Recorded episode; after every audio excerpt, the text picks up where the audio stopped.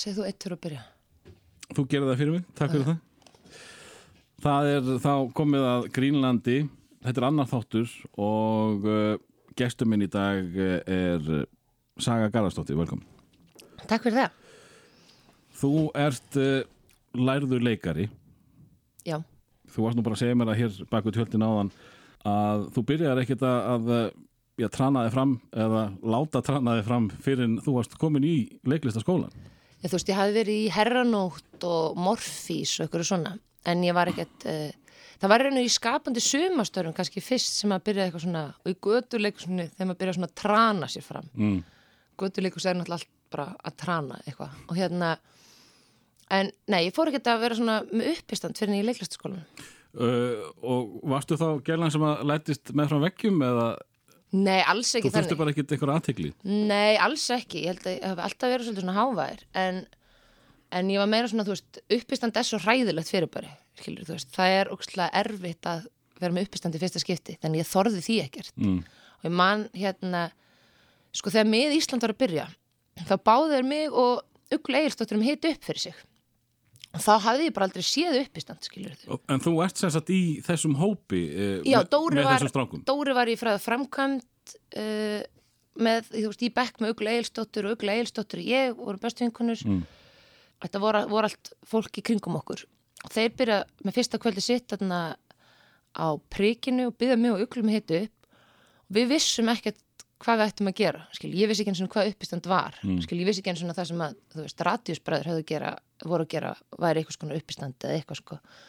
Þannig ég Ugla við gerðum ógeðslega skrítið atriði sem var að hérna taka mjög þekkt ljóð og endur skrifa þau svona eins og úlingar myndu flytja þau.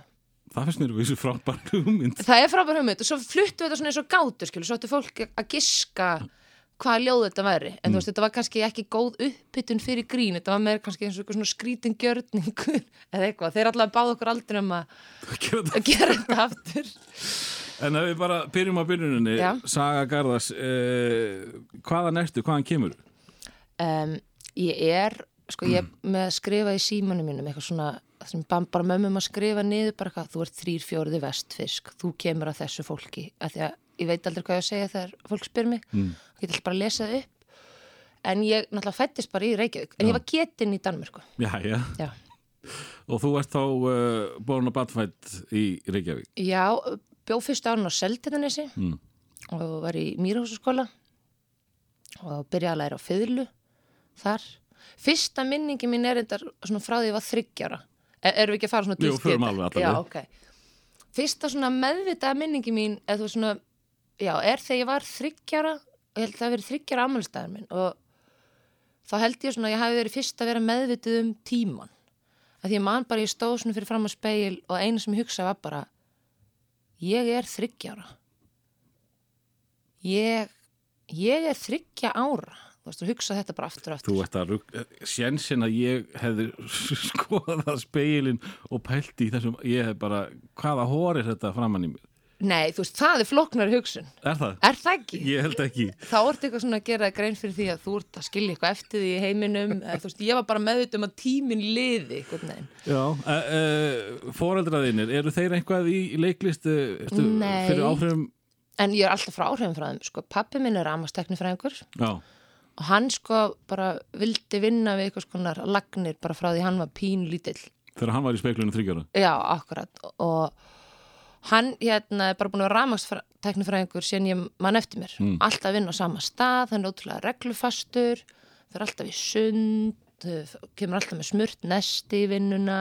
Svona ótrúlega ótrúlega hérna vanafastur. Mm mamma mín hins vegar, hún hérna hún vann upp á útvarpi fyrstu 11 ár aðmennar, en ég var ótrúlega mikið hér á Östarleiti Já, já hún er búin að vinna við fulltastörfum veist, þýða, uh, vera upplýsingafulltrúi, kenna skrifa ljóðabók þannig hún er svona miklu einhvern veginn Þú ert pínu nær henni heldur um pappa sín uh, já, í sumu. Já, en ég er mjög svona ég er mér alveg svona nokkrar skrýtna þráhyggju sem að ég kenni pappa alfariðum sko. En, en uh, þessi típa sem saga er uh, er hún alveg bara frá því að þú mannst eftir í, í, í speiklunum þryggjára uh, þú lætur ímislegt flakka sem aðri myndi ekki gera Já, ég er ekkert hérna, já, ég hef alltaf verið svolítið kvatvís. mm. Um, ég man til dæmis, þú veist, að því ég var í landakotskóla, það fekk maður alltaf svona, þú veist, það var alltaf verið að gefa bara ágætt gott og svo svona umsögn og ég fekk alltaf, held ég, bara orðið óforskömmið. það var alltaf, það svona eitt af fyrsta lýsingar á hann sem ég bara svona lærði að skilja, það var bara ekki að sagða er óforskömmið, óforskömmið. Og ég var svo meðvit um það þegar ég lítið bara, ég er svona óforskömmið Já, eitthvað, en það þú veist, ég var náttúrulega var í katholskum engaskóla í landakotskóla, fór þangað svona slísaði svolítið þangað. Já ég var eiginlega að spyrja af hverju ferðu þangað? Ertu kathólsku? nei, bara alls ekki, sko. Á þeim tíma trúði ég ótrúlega, þú veist, var mamma nýbúin að lesa bað alltaf til þór þrjumugus og eitthvað svona.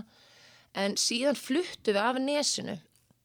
Fluttum að nesinu í Vesturbæinn og foreldrar mín eru svona, þú veist voru mikið í Danmörku og trúaði rosa mikið að krakkar er að ráða sér sjálf sem er alltaf algjört kæftæði þegar krakkar veit ekki neitt.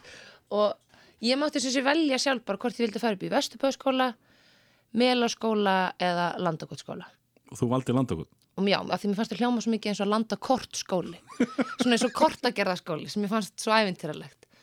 Og svo fór ég bara í hann og það er til sko frá þessi tímabjörgslega mikið svona, þá var ég alltaf eitthvað svona æfum að teikna kort því ég var svo spennt að fara í eitthvað svona ævintýraskóla. Svo var þetta bara, Ekki alveg það sem að nei en hérna ógislega fyndin skóli samt sem aður eh, Mánu hefur heyrt eh, miður fallega sögur eh, af þessum Það? skóla já, Varst þú vitnað eitthvað svona eh, það var vantilega meira ægið þarna og, og sko það við náttúrulega byrjum alla mótnaði að byggja faðivorið mm, og uh, við vorum það var, þú veist, það var náttúrulega enga skuld þegar þú- þú veist, þú komst oft með þú veist, beðin um að koma með kannski klósitpapír Já, eða þú veist, koma með mat í matrislu og hérna, við vorum rosalega ofta að leika engla. Eða þú veist, ég man rosalega, ég veit ekki af hverju, þú veist,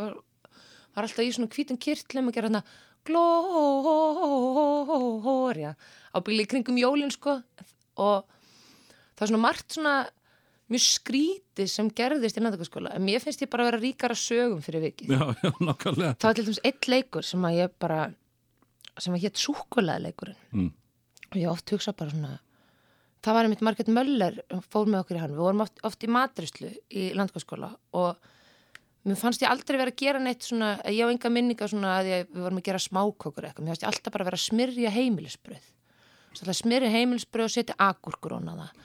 Og þú veist, eitt var að skera agurkur og eitt var að smyrja. Og svo svona til hátíða tilbæra þá skattu við sett súkulega smjör stundum að brauð. Já, það var basically það sem við vorum alltaf að læra. Og hérna í heimilisfræði. Og svo hérna var stundum að því að skólinn fekk svona gefins held ég svona fullt af hlutum ykkur mann og þegar, þegar súkulega byrðarnar voru að fara að renna út þá var uh, svona súkulega leikur sem að það sem að gekk þannig fyrir sig að þú veist, allir krakkarnir sáttir hring og svo var súkulega sett að bakka og þú veist, það var ofta að vera svolítið gammal þannig að það var svolítið svona grátt, skilur en samt ótrúlega spennandi að þú ert krakki. Og svo fegstu tening og þetta er að kasta teningnum og ef þú fegst sex þá máttur þú borða eins mikið og gast. Þangað til að næsti fekk sex. Sem er algjörlega styrla og þú ætti áttur líka að gera þetta með gafli og svo erfitt að ná. Þú veist. Þetta er geggjöðu leikur. Þetta er geðugur leikur og algjörlega einhvern veginn frábær leið til að losna við skemmtan mat einhvern veginn. En, en uh, sko, þú ert fann að tala um heimilisfræði, hvað varstu lengi að það? Ég var, eh, ég kom í landskóla þegar ég var 7 ára og var þannig til ég fór í hagaskóla þegar ég var held ég 12 ára. Já, og það er vantilega verið eh, viðbrið að fara Já, ég átti svona mjög nána, ég var svo mikið í íþróttum Já. og allir vinni mínu í íþróttum, þeir voru í grandaskóla eða, eða hérna mýrhúsaskóla. Þannig að þú veist, ég hjekk rosa mikið með þeim og landakotskóli tók þá aldrei þátt í eitthvað svona, svona handbóltakefni og því ég var svo mikið í íþróttum þá mátti ég oft taka þátt með grandaskóla mm. Með vinnu mín. Þannig að þú veist, ég þekkti, þekkti krakka í öðrum skólum þegar ég fór í hagaskóla þannig að það svona bjarga mér. Ekki það ég hafi ekki verið algjör lúði í hagaskóla ég var alveg bara, ég var alltaf svona ælugrætni flýspeysu og svona joggingbuxum og bara hugsa um að fá góðar einhvernir og þú veist, mæta á fótballtæðingar Já, þú varst all in í íþróttum þegar þú varst eða? Já, ég bara byrjaði sem sé hérna mér langi alltaf að geta að læra á saxofón Mm. og fór hérna í tónlistaskólan út af Nesi og það var enginn að kenna saxofón þannig þá var alltaf sagt bara, herru já, ef ekki bara setja hérna fiðlu, það er laus hérna fiðlutími sem er bara ekki að sama á saxofón, skilur þannig að þú veist, ég misti bara áhugan á tónlistariðkun á bara svona tveimur mánuðum eða eitthvað Já. og þá fór uh, mamma með mig í fótbolt og þar byrjaði ég að blómstra Mm. Eh, en eh, hvernig krakki er, er saga? Ég held ég hafi verið svona bara nett velvirk og ég var rosa hérna, upptíkin að ég vera sterk. Líkamlega líkamlega, Já. eða þú veist ég var bara hugsa að ég hérna, átti kærasta sko. Fyrsti kærasti mig byrjaði með honum þegar ég var svona fimm ára eða eitthvað. Og eina sem við vorum rosa mikið að gera þannig að ég var sjör, var bara að bera steina. Þú veit, í kringum blokkinu, bjóða tjarnabáli og vorum alltaf að bera stein í kringum blokkinu bara. Í keppni þá eða í saman í liði? þú veist, við vorum bara að hjálpa stað sko, til að styrkja okkur Já. þannig að þú veist, ég hef já, ég hef alltaf verið með smá eitthvað svona kraftadellu sem að, ég veit ekki alveg hvað það er Og kemur það eitthvað frá heimilinu? nei, eða, þú veist, fór, pappi minn var þú veist, er mjög stæltur Já. En var hann alltaf í rættinu? Var hann að lifta lóðum heima? nei, hann, þú veist, var í handbólt og fótbolta eins og ég fór í, sko Já. en, þú veist, og svo syndir hann á hverjum degi jafnmarga ferðir Mm. og gerir jafnmargar upphengar og jafnmargar æfingar en ekkert eitthvað svona dellulegt, nei, ég held að ég eins og ég hérna já, fekk svona kraftadellu og með svona engunar áráttu líka. Og það var alveg miklu meira heldur en þú veist eins og fóreldri mín sett aldrei neina pressa á mig. Þannig, þau voru raun og veru alltaf bara eitthvað að reyna að draga niður á jörðina af því ég var svo ógeðslega metnaða full Nú þekki ég frekar reynsluna hinum megin frá að fá engar einhvernir að viti og fá pressuna frá fóreldrum. já, Hvað segja fóreldrar sem eiga barn sem að, já, vill bara vera í, í tíunum og, og vera ókvæslega dugli í, í íþróttum? Er- Varst algjör draumur? já, ég var það Já.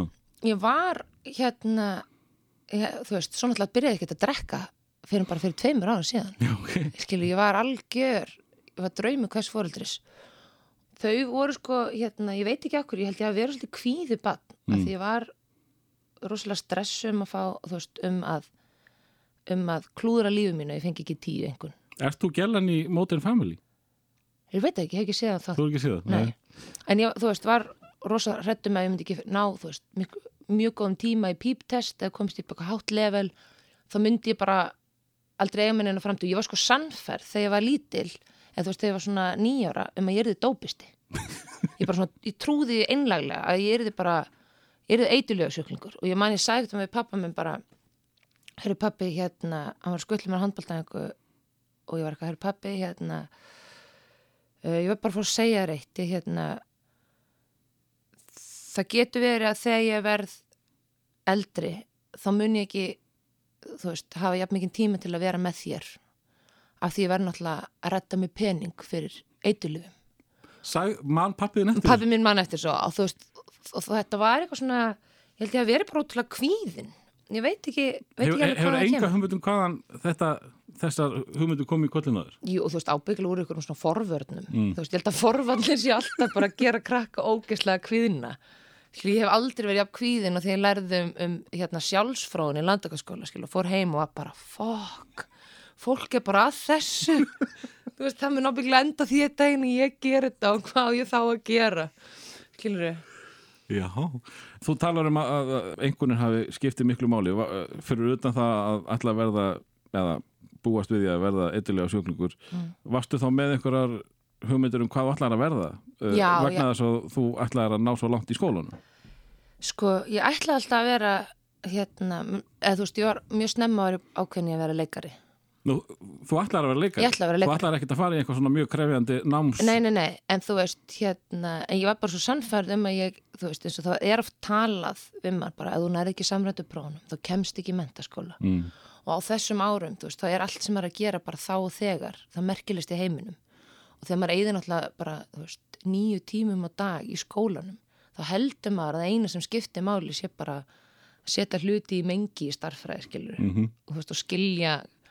sniðumengi og vita hver útflutnings helst útflutningsaförð uh, Úrugvæ er skilur maður heldur að þetta sé það mikilvægst í heiminum Mhm. og ef maður bara, þú veist, ég hefði ég vildi óska þess að ég hefði vita hvað þetta væri léttvægt því þá hefði ég verið chillaðri sko. Uh, og varstu þá góð í öllu? Af því þú er greinilega með þá Mm. uh, hreyfingarnar á hreinu líka, það, þá vantilega sund og, og leikumi og, og líka allt bóknám, ég var sko er ekki góð í ennsku ekki góð í einsku. mjög lélega ennsku og mér finnst enska mjög kviðvanleg ég var mjög stressuð þegar túrista til dæmis stoppa mútu götu og spurði mig hvert er, þú veist, hvert er ég að fara eða hvar kaffi flóki sé eða loki eða eitthvað. Það hefur vantilega pyrrað þig eh, verandi svona góð í öllum fögum. Er, ertu þá lélu í öllum tungumálum við það? ég er ekkert svo góð, ég er freka góð í íslensku en ekki stafsetningu, ég var alltaf að fá bara svona í MR, bara svona mínus 10 í stafsetningu. Já. og ég var þótti aldrei góð í skrift af því ég hallaði stöfunum ekki, ég hafði alltaf beina Mm. og hérna, eða hallaði mig vitlis átt þannig að hérna og ég var ekki góð heldur í teikningu ég er mjög lili í teikningu en ég var alltaf mjög góð í starffræði og leikfumi Mm það er alveg svona styrkleika mínir En uh, svo verður þú unglingur Mm. og uh, þú ert búin að koma inn á það að draumurinn hafi verið að vera leikari bara, mástu hvernig það kom? Nei, bara freka snemma sko en ég ætlaði líka að vera söngvari Mm. en Þú veist eiginlega búin að útloka það? Já, sko, mér dreymir ennþá um það. Ef Já. ég fantasir um hluti, því ég fantasir alltaf ofta um þegar því ég er að labba eða eitthvað, þá hugsa ég oft svona um að þú veist, það kom, sé kannski eitthvað bein útsendinga eða eitthvað, veist, og það sé sagt eitthvað svona, já, svo vilt þú geta taka lagið? Og ég svona geri það og það verði óvart alveg svona algjör snild og öll þjóðin standa undinni og fólk eitthvað svona, Ég kannast alveg við þessar hugmyndir. er það? Já, Já, ég það er ógeðslega ofta einhver hetja í mínum uh, uh, uh, svona, þegar ég er að hugsa málin einmitt á svona göngutúnu, þeir eru stórhættileg Hvað dagdrymið þau? Þetta Já, að, að maður gerir eitthvað og allir var Vá, ég vissi ekki að þú var svona geggjaður í þessu Nákvæmlega. Ég hugsa líka ógslaft, þá hugsa ég sko, ég held að sé að ég hef það svo gott. Þá dagdrýmum mér oft um líka að ég sé í, í alltaf í kastljós, ég er alltaf í svona viðtalstandum. Ertu búin að semja svörin við Já, Já, ég líka já. Ég, ég er, þú veist, ég tek viðtalið sjálf mig þegar ég er að labba. Ég tala mjög mikið við sjálf mig, sko. Og oft er ég sko með eitthvað svona sjúkdóm, eitthvað svona sjálfgefan sjúkdóm og ég er svona að tala um það hvernig ég mér tekst að lifa með honum. Mm. Eitthvað svona, já, allir eitthvað svona váka, hún er flott. Ég, sko, ég hef líka lent í því þegar maður sér uh, já, viðtöl við fólk sem að er að hefur náð sér eftir eitthvað mjög erfitt ég er ofta að svara fyrir það þegar ég horfa Já. það í sjónvarpinu í kastljósunum Já, já, já. Já, vá. En þú talar um það að þú hefur ekki verið mjög svona ábyrjandi og, og uh, ekki hérna, En ég þorði ekki að taka þátt í skrekk til dæmis. náðu það ekki? Nei. Það var sko, ég, það var endar af því að það, hérna, það, ég var í hagaskóla og þá skiptist þetta einhvern veginn í, það voru svona tvö atriði sem var svona töffararnir með eitt atriði. Svo voru svona lúðarnir með eitt atriði. Og ég var svo mikið mitt á milli. En, þú veist, ég var aldrei töff, ég var heldur aldrei eitthvað svona, þú veist, ég var bara einhver íþróttastelpa. Mm. Ég var algjör streytari, sko. Ég sko, ég hef fram í borgarlega handtöku, ég er svo mikil streytari.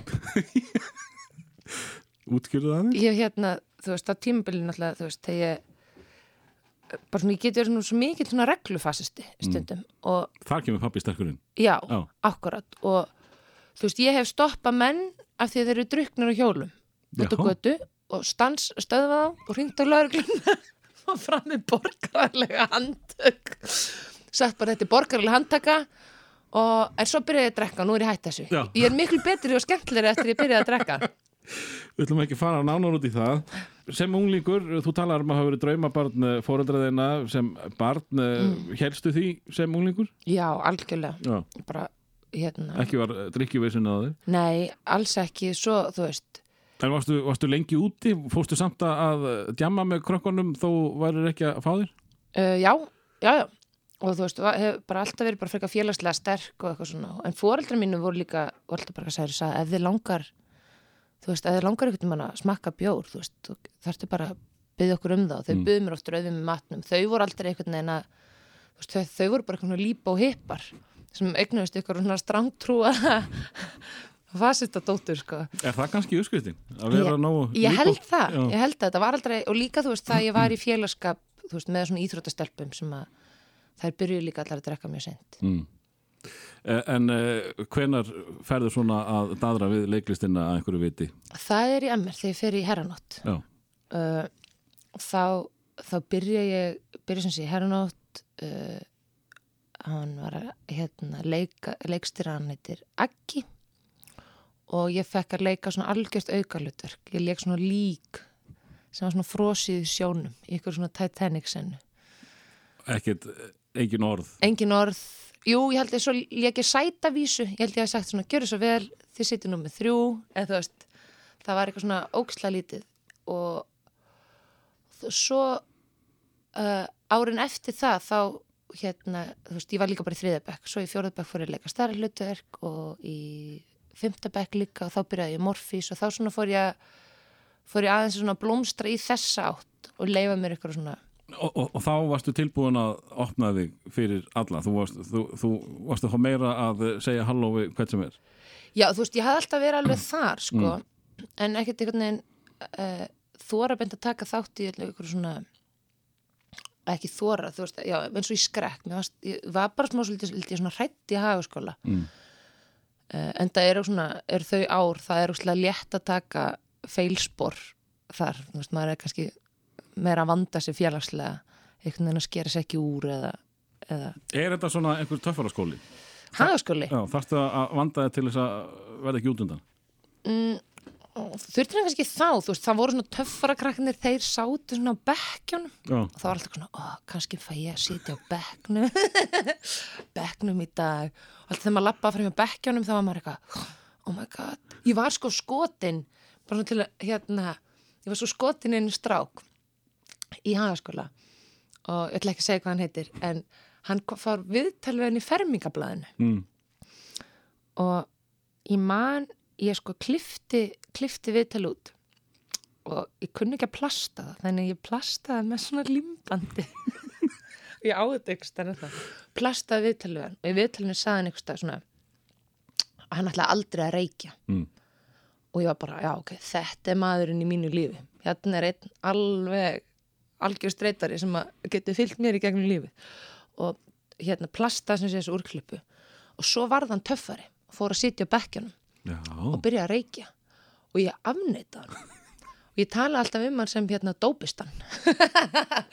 Sem ég sé mjög eftir núna en ég var bara, hann er dópisti. Af því mér fannst að hann hafa bara svikið öll okkar sammeiglega prinsip þá hann hafði engan verið verið meðvitaður um hversu mikið ég hefði investerað í í hans lofurðum sko. ég man sko einhvern veginn að setna hitti hann sko þegar ég var komin í mentaskóla, hitti hann í partíu þá var hann eitthvað svona að reyna við mig. Þá var ég náttúrulega edru, hann var náttúrulega fullur að reykja. Fullur að reykja. Átti ekki sén. átti ekki séns. Og ég var alveg svona, nei takk. Og svo fór ég svona heim og var alveg, ég er flottasta kona í heiminu algjör. En uh, ég fekk til þess að að velja þrjú lög og, og, og taka með. Já, og eitt uh, þá svona út batnæsku og eitt svona úlingaflip og, og svo kannski það sem múst að hugsa um og, og hlusta á í dag uh, Var mikið tónlist á þínu heimili? já, mjög mikil og spilur rosalega svona hérna, hlusta mikið á Ísland og NATO Já, það og herin burtiskin, já og svona Lit, fyrir ekki, lita það þig í dag? Algjörlega. Það, þú veist, hérna vögguvísa róttakra móður, veistu hvað lag það Já. er? Já, það litar mig í dag sko. Það er hræðilegu texti við mjög fallet lag. Ég mitt var beðin um að spila það hvernig frítagi núna um daginn Já, það er eiginlega bara svona, Það er, það er réttið, það er rosalega fallegt lag en textin er, er, er þú ekki svo það er líka fallegt bara eitthvað morðingjar heimsins og myrkra verka her, munu eflaust draga þig til dauða. og einmitt sungi svona, Já. svona rosalega greinilegt hvert orð það. Draga því til en, hérna, en svo, svo hlust var ég, þú veist, tónlistasmökkum minn, ég fæ nefnilega alltaf svona nett kviðkast þegar ég beðin um að velja lög, af því ég hef alltaf verið með freka bara svona glataðan tónlistasmökk mm. og lagið sem ég langar að velja er sko af strömpadisknum og það er hérna það er hérna strumpa paradís Strumpa paradís, gangsta paradís Já. Jú. Og ég man sko, ég hlustaði mjög mikið á þetta lag uh, í hérna uh, sérstaklega í, í landakaskóla hlustaði mjög mikið á þetta lag og stóð fyrir fram að vinskapin hjá fóreldri mínum og því að hann var svona næsta sem kom því að vera speill, ég geti hort á speilmyndin minni í honum. Og svo ger ég bara þessi svona innfylgdu rappreyfingu sem að Örn Árnason já, gera alltaf þannig að rappa svona bara með hendunum og svo hlusta á þetta lag bara svona repeat og ég hugsaði bara djöfull er ég töff. Djöfull er ég töff. Þannig að þú varst bara gangsta mjög snemma. Já, Já. Heyrum hér trumpana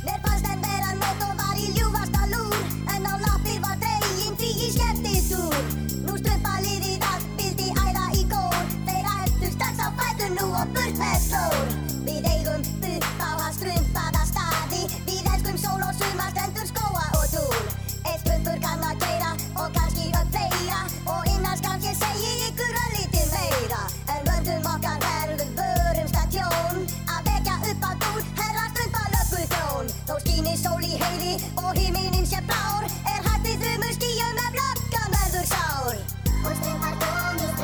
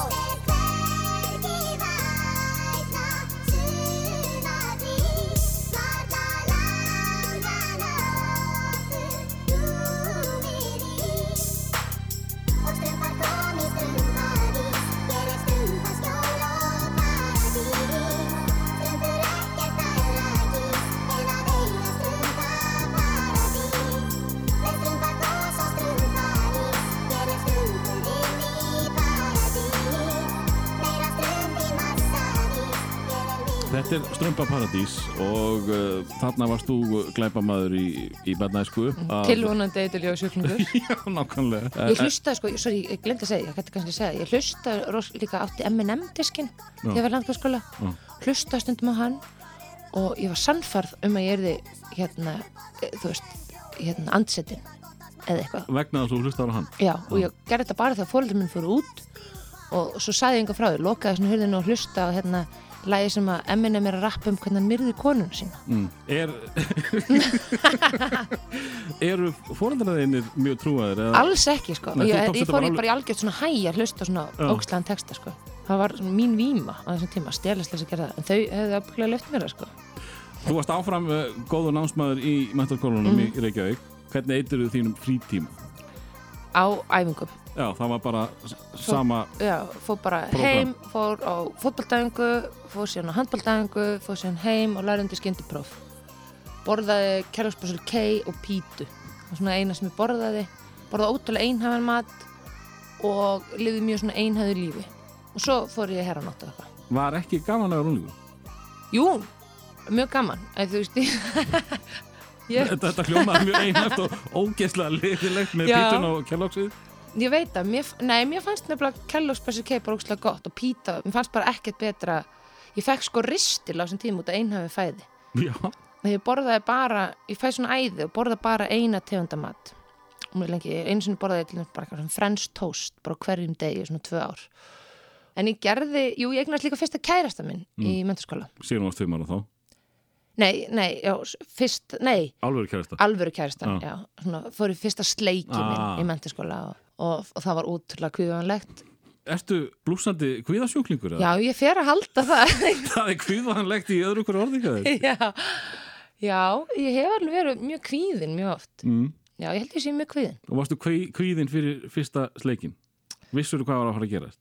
Ó nei, Uh, nei, hérna, kom þá landakort skóli sterkur upp í þið sko, nei, ég vissi ekki alveg hvað, jú, ég, nei, ég vissi ekki alveg hvað var að fara að gerast þegar ég fór í fyrsta sleikin, en ég fór síðan bara heim til mín og hugsaði bara, fuck, ég fór í sleik, djöfull er ég töff, Já, það varstu töf, já, það er ég töff, var alveg, oh, og þá náttúrulega, þú veist, þá var ekki komin í gemsar þannig að mér langaði að heyri honum aftur, Mm. þannig þá þurfti ég að hringi heima síman hans og tala við pappans og spyrja hvort ég, hann gæti tala við hann og hann bauð mér á mokka við vorum sko saman í alveg bara sjö ár. Nú, já, bara frá, hvað, 16 ára aldrei það? frá 15, já, 15, Já. 16 þá getur ég bara 24 ára.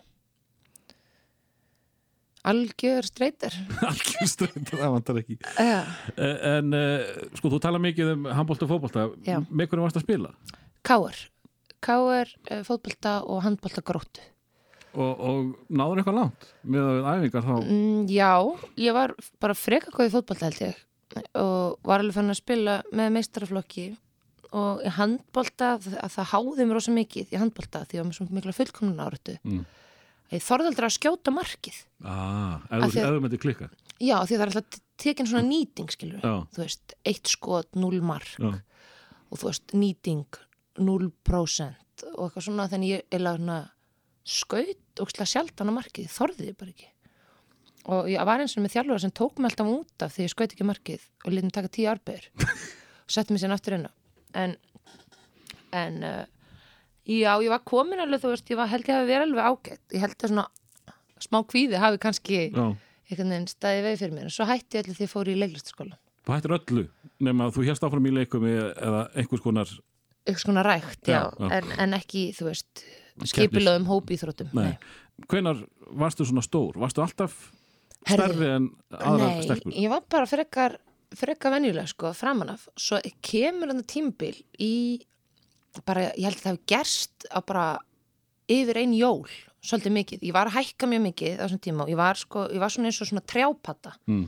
ég var svona ótrúlega slánaleg og mjó og bara með engin brjóst og ekkert ekkert að því ég var líka bara alltaf að fara handbóltæðingu svo fótbóltæðingu, bara Kellogg's Special K lærindu próf, hjóla og ég var með svona, þú veist, bara svona uh, þetta var bara svona rútina sem ég var bara alltaf í, alltaf tvær æfingar, hjóla, kannski lifta líka, lærindu próf, uh, borða sama matinn aftur og svo kemur hérna bara í þriðja bekk byrja ég MR og öll fötum mín er bara ógesla lítil og svo Já, þú ert alveg orðin 16-17 ára ég er alveg 16 ára Já. en þú veist ég er alveg orðin svolítið há en Já. ekkert eitthvað svona ekkert mjög svo kemur bara hérna er eitthvað ákveðað þessi frí í handboltanum yfir jólin Mm. eða eitthvað. Og hvort það hafi ekki verið eitthvað svona í fótboltanum að þjálfurinn hafa verið veikur. Þannig allt í var bara heil, eða þú veist svona halvu mánuður þar sem voru engar æfingar. Og þá bara á þessum tveimu vikum fæ ég bara brjóst bara svona stækkað, fæ rass og þingist og ég mæni mæti bara í skólanast og fólk er bara fokk, varst að fæða sílikon eða hvað gerðist? Það var bara svona, kom smá breyk þar sem líka minn var bara ah, nú ætla ég að þroskast veginn. Ég fekk smá pásu þannig Já. Þegar ég eignast þarna kærasta svona í fyrsta skipta því ég var átti aldrei kærasta í hagaskóla. Þú veist, ég átti þarna kærasta þegar ég var lítil en mm. bara svona eðla, eðla ungbarna kærasta en þá einhvern veginn fór ykkur í fyrsta skipta að segja mig eitthvað svona, ó, þú ert sæt eða eitthvað svona. Ég ha- hafði aldrei upplifað mig sem eitthvað svona þú veist, gæti verið sæt eða gæti átt kærasta. Ég er náttúrulega fór bara gegnum tímabili sem allir gera sem er eitthvað svona, ég mun ábyggla aldrei eignast kærasta. En varstu þá ekki líka pínlítið einhvers konar strákastelpa í öllum þessum íþróttum og jú, eða þú veist, jú, jú, algjörlega. Náttúrulega þegar ég var lítil vildi ég vera strákur. Sko. já, já, ég hefði bara aldrei einhvern veginn hugsað um, ég hefði alltaf átt ókslega mikið að stráka vinum en hefði aldrei hugsað eitthvað svona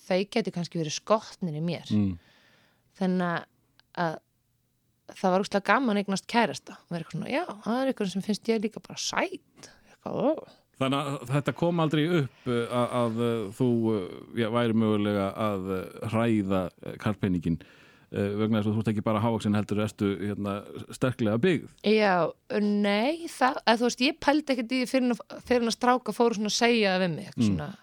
að ég hugsaði þetta stundu þegar ég var farin að vera með uppistand með hérna strákunum í miðisland stundum mm. Og þú veist, og það fór svona stelpur til þeirra eitthvað svona, hei, hvað er flottur og eitthvað svona daðra við þá.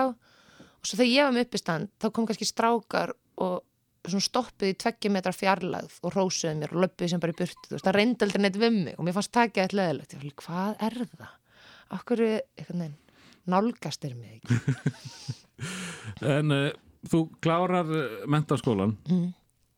og áðurum við förum í, í Með, hérna, ágætisengun, já, já, já, já, með láði, með láði. Já, uh, áðurum við förum í uh, hérna, listaháskólan og, og, og Mhm. uh, það sem að við já, íslendingar þekkju þig meira eigum við að fá úlingalægið Já, þá sko í mentaskóla kynnist ég Sigrun Hlín sem er myndlitt kona og er vinkona mín og hún hafði mjög svona mótandi áhrif á tónlistasmekk minn og kynnti mig fyrir alls konar ruggli sem var meira töff heldur en Enrique Iglesias og Blue og það sem ég hafði verið að hlusta á fram því. Og þetta lag sem er með hljónstinni Stereo Total hlustaði ég geðið mikið á í mentaskóla og var alltaf svona út á svölum að því að hérna, ég var líka alltaf að reyna að vera brún þannig fór alltaf út á svöl í sveppoka því að það var kallt Já. svona á, á haustin og hlusta á þetta gett hátt og þetta heitir hérna Sela Mort. Sela Mort, já, og með hann frönsk þýsku hljónstinni Stereo Total. Kannski áður með fyrir þangað áður en að hún kemur til sögunar já, varstu þá bara í algjöru píkupoppi eða hvað? Já, þá var ég sko rosa mikið þú veist eins og ég veit ekki hvort þú veist, þú hefur heyrt lögin sem er alltaf spiluð í halvleika handbóltaleikjum Já, þau eru öll ömuleg já, þú veist, þetta er lögin sem ég var alltaf að hlusta á. Skil, ég keifti mér viljandi hérna DJ Ötzi diskil og Þú ert eina manneskin í heiminu sem hefur viðurkent það ofinbælega Já. og, og það var ekki grín, þú keiftir það viljandi. Ég keifti mér bara viljandi. Ég man líka einhvern veginn fekk ég Jóhannu Guðrun diskin gefins hérna í í, í gef og ég var alveg, hvað haldið ég sé ykkur smákrakki? Fór og skipta hann fyrir Disney-lögin og, og hlusta mjög mikið á Blue og Enrique Iglesias og Elton John reyndar. Já en já, ég var svolítið píkupappari. Með því að fá stereo total í, inn í þitt líf þá væntanlega- breytist það til batnar Já, þú veist, svona meira hefur breyst. Þú, þú væntalega settið þá blue og, og, og ötsi aðeins í, í neðri Já. hillur ég, ég fór bara raun og vera að hlusta á bara allt sem síðan hlusta á. Jáhá, og, og núna hlusta ég allt sem snorri hlustar á. Og þú veist, allir sjá eftir því ef ég fæ að setja lag í partí þá er eitthvað svona oh, já, já, ok en heyrum uh, lægi sem að já, breyti miklu í þínum huga tónlistalega séð uh, þegar þú varst úlingur Stereo Total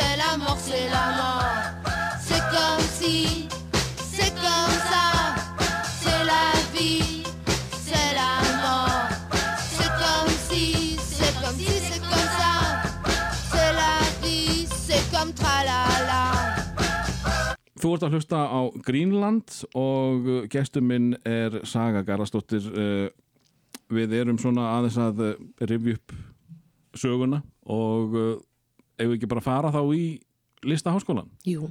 er eitthvað sem gerist frá mentaskóla fram að lista Já, herru, djók. Ég er náttúrulega hérna klára mentaskólan og það er ekki tekið inn í leiklist. Það ár. Þannig að ég sótt um og ég hvet aðra til þess að gera slítið saman eða þeir eru eitthvað að klára mentaskóla og veit ekki hvað þeir eru að gera. Fór í Íþróttalíðaskóla. fórst í? Íþróttalíðháskóla. Já, í Danmörku. Og þar hérna blómstraði keppniskap mitt. Mhm. Og þar fór ég svona, þetta er adventure og þá ertu sko bara þá er þetta bara svona eins og Ironman þjálfun.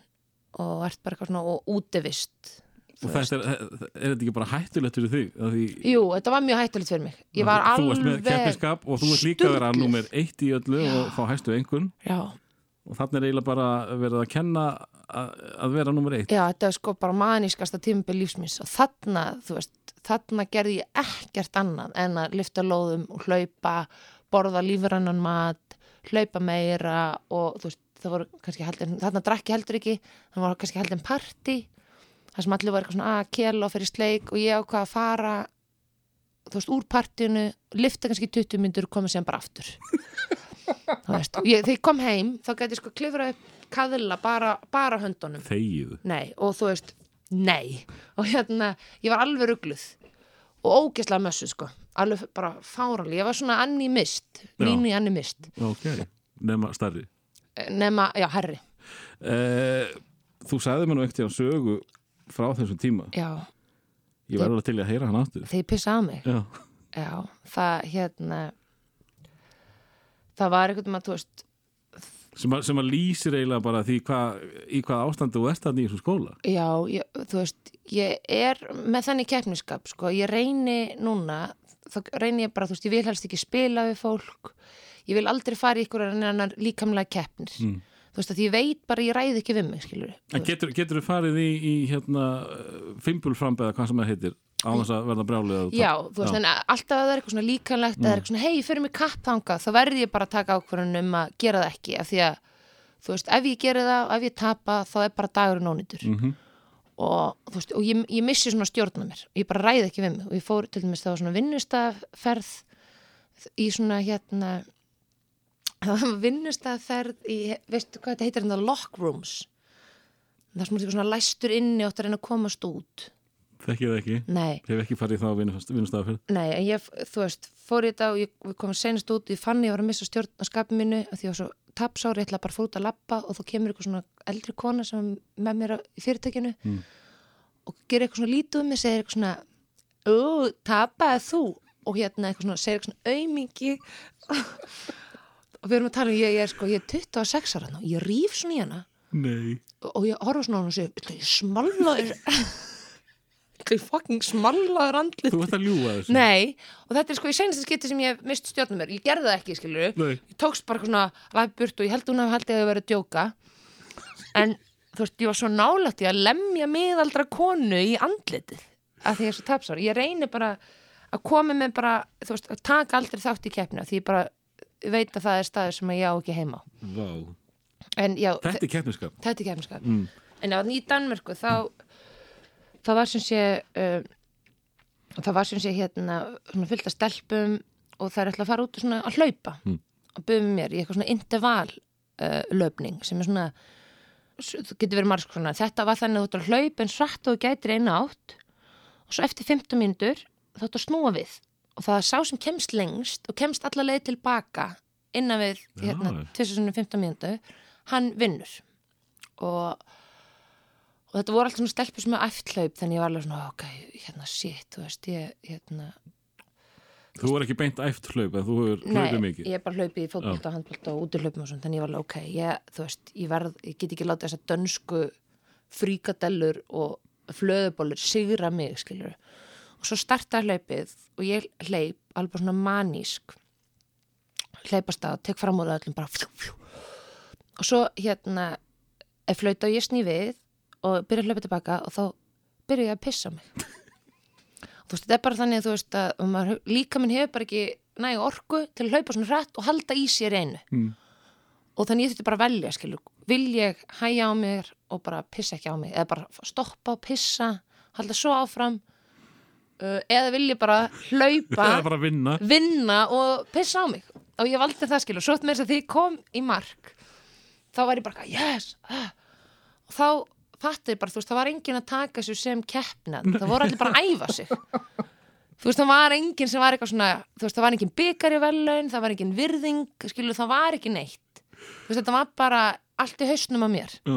það var fullkomlega ræðilegt ég man ég settist í svona mýri til að tegja svo það myndi halda halda ég væri væri blöyt út af því skilur að því að gat ekki sagt bara, herðu, halda að mín hafi ekki bara fórnað sér algjörlega til einskis. Það, það er kraftur í kellu. Já. Það er stelpur En uh, uh, ég, verð þá bara að spyrja að því næstferði lista áskólan mm. hafði þessi íþróttalið skóli einhver áhrif á, á... hjálpaði mér ekki neitt sko. Nei, ekki neitt. Ég man ég kemst inn í, í leiklistskólan og var ógislega glöð og, svo er svona leikfumi það er svona leikfumi í, listaskólanum. Ég er bara yes. Held að mín sé ekki algjörlega að fara að rústa þessum hérna, mussum hérna. ég var náttúrulega svo ógislega mussi ég var alveg þess að þú veist, þess að tjáningar lufsur get ekki gert að raskat í leikfumi mm og svo náttúrulega fyrsta sem við gerum í leikfumi það er ekkert eitthvað arbegjur þú veist, það er engin leikar eitthvað svona leikara leikfumi það sem ert að gera arbegjur og upphefingar, skil, að elda litla puttan að þér í einhverjum dansi. Skil, þú ert bara að fara í tango og gera eitthvað svona mýktaræfingar og ég sökkaði bara í því. ég var ógeðslega pist og farald, þá sko klifti ég líka af mér allt hárið. Að því að þú veist, í leiklistaskólanum það ertu svo mikið að rulla þér í jörðinni. Já, já. Og ég var með svo sítt hár og það var alltaf í andlitin á mér og mér fannst það svo pyrrandi þannig að ég, þú veist, kliftið allt af. Þannig kannski svolítið öfgakjönd en Það, er, það örlar á öfgum í, í Já. þessari stelpu. Já, Það vantar ekki. Algjörlega. En, en uh, varstu, sko ég sem venlur íslendingur var ég þá ekkert búin að sjá þig? Nei, held ekki, uh, sko, ekki nema að hafa verið að hanga bara eitthvað svona mentaskóla skemmtunum var mikið fyrir það. Sko það var allan hér áður fyrir þá máttur ekki gera neitt þegar þú varst í leiklistaskólan já, En það er aðeins opnar á núna það það er heldur bara alveg opið núna svo lengi sem að þú bara fer ekki inn á skólatíma, skilju þú þar þurfur ekki að skrópa til að geta gert það núna máttu heldur bara gera hvað sem er svo, bara, svo lengi sem að það þú- trubli ekki skóla Þú gætir stjórnað kvöldþætti í sjónvarpi þess Já. svo leikið sem þú mætir á réttum tíma Já. daginn eftir það er bara svo ógislega erfitt að því að leiklistaskólinn er svo Já. Þú ferði í uppistand uh, ekki vegna þess að þið langaði til þess Nei, það er af því að hérna um, sko áðurinn fer hérna, sumur eftir íþróttilega Mm. þá þá fer ég svolítið skrítna ferð. Þá uh, er vinu minn hann hérna Gísli Kvandal sem var eins og málfossaröðunutur hérna á Ríkisúttarpinu hann hittir mann á Sjali Mar. Byrjar þetta ekki spennandi? Hann hittir mann á veitingastannu Sjali Mar sem heitir Dr. Khan Já, og er til í alvörunni. Og hljómar þetta ekki eins og svona Star Trek persóna. Og þessi maður er komið til Íslands til að bera út uh, Íslam. Já, og e- e- eitthvað afbreyð af Íslam held ég. Og hann er að reyna að koma sér í samband við eitthvað svona við eitthvað fólk uh, áhrifafólk í samfélaginu. Og Gísli er eitthvað svona reynir, reynir að koma um í samband þá við Sigmund Davi sem var náttúrulega ekki fórstisræðara þá og eitthvað fleiri. Og það vildi enginn einhvern veginn hlusta á hann.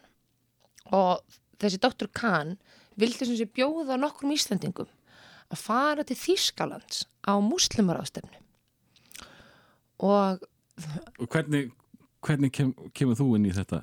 takk fyrir að spyrja. Ég, ég er alveg fara að koma því. Nei, og, og gísli sem sé búin að reyna að heyra í fullt af fólki og fólk er einhvern veginn svona ekki að kaupa þetta þetta sé satt, þetta sé eitthvað svona það sem að það ætti að þú veist, fara í uh, kannski líka erfið að fara í það þegar þú ert málsvar einhvers eða ferð fyrir einhverju.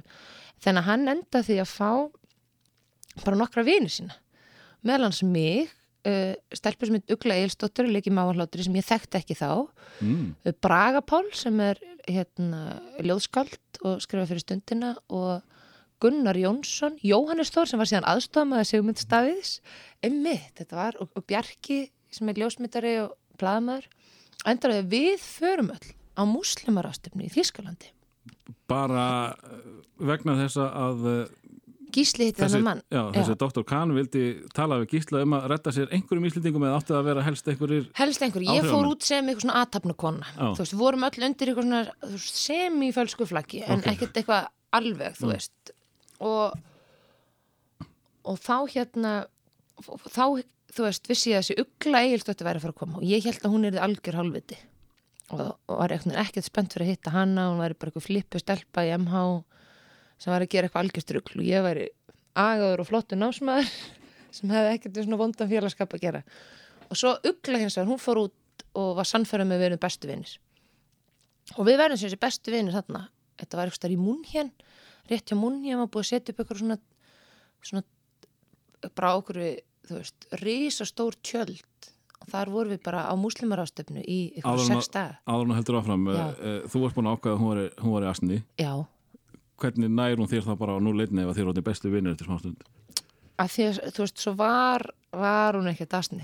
Ok. Ég var bara fordóma fyrir, skilur, Já. þetta er bara svona eitt af þessum skiptið sem maður heldur að eitthvað, sé eitthvað neginn hmm. og svo er það ekkert þannig, skilur og, og hvað gerðist þarna í múnhjön? við áttum aðalega að vera bara á fyrirlesturum sem voru allir á hérna, við náðum allir inntakina um að þið voru, ég man ekki á hvaða málið þið voru uppalega nema svo voru þeir alltaf þýttir yfir á úrdú og þaðan yfir á þýsku og þaðan yfir á ennsku þetta var eitthvað svona, þannig að við fengum alltaf gett bjagað útgafa þessu Mm. og, og þá var alltaf kallmenn að leiðast út um allt og konur og kallar máttu náttúrulega ekki leiðast og það tók enginn í hendin á mér. Þú veist, mér var alltaf bara að klappa á kollin þegar kallar mig ekki takk í hendin á konum. Og þetta var eitthvað svona það var bara ógislega skrítið. Ég man að ugla manaði mig eitthvað tíma til þess að klípa eitthvað mann með kóranið í rassin og ég var ég ég myndi deyja sko. þannig að þið hafið náð ansi vel saman ef að hún er komið þangað bara Já. nokkuð stöðu síðar nákvæmlega og þetta var líka svo aðsnald að við fengum sko leifi til þess að vera inn í það sem kallarnir voru Já. það var svona kallatjald og kvennatjald og að þið voru að reyna að gangi á okkur fengum við leiði til að vera þar og þú veist, ugla manum til þess að gera þetta og ég var náttúrulega langhæst. Það var svo mikið af svona litlum dökkarðum mönnum sem voru allir í eins fötum. Svo var ég svona ein cirka tveir metra hæð í svona rauðum kjól með svona ljóst sítt hár.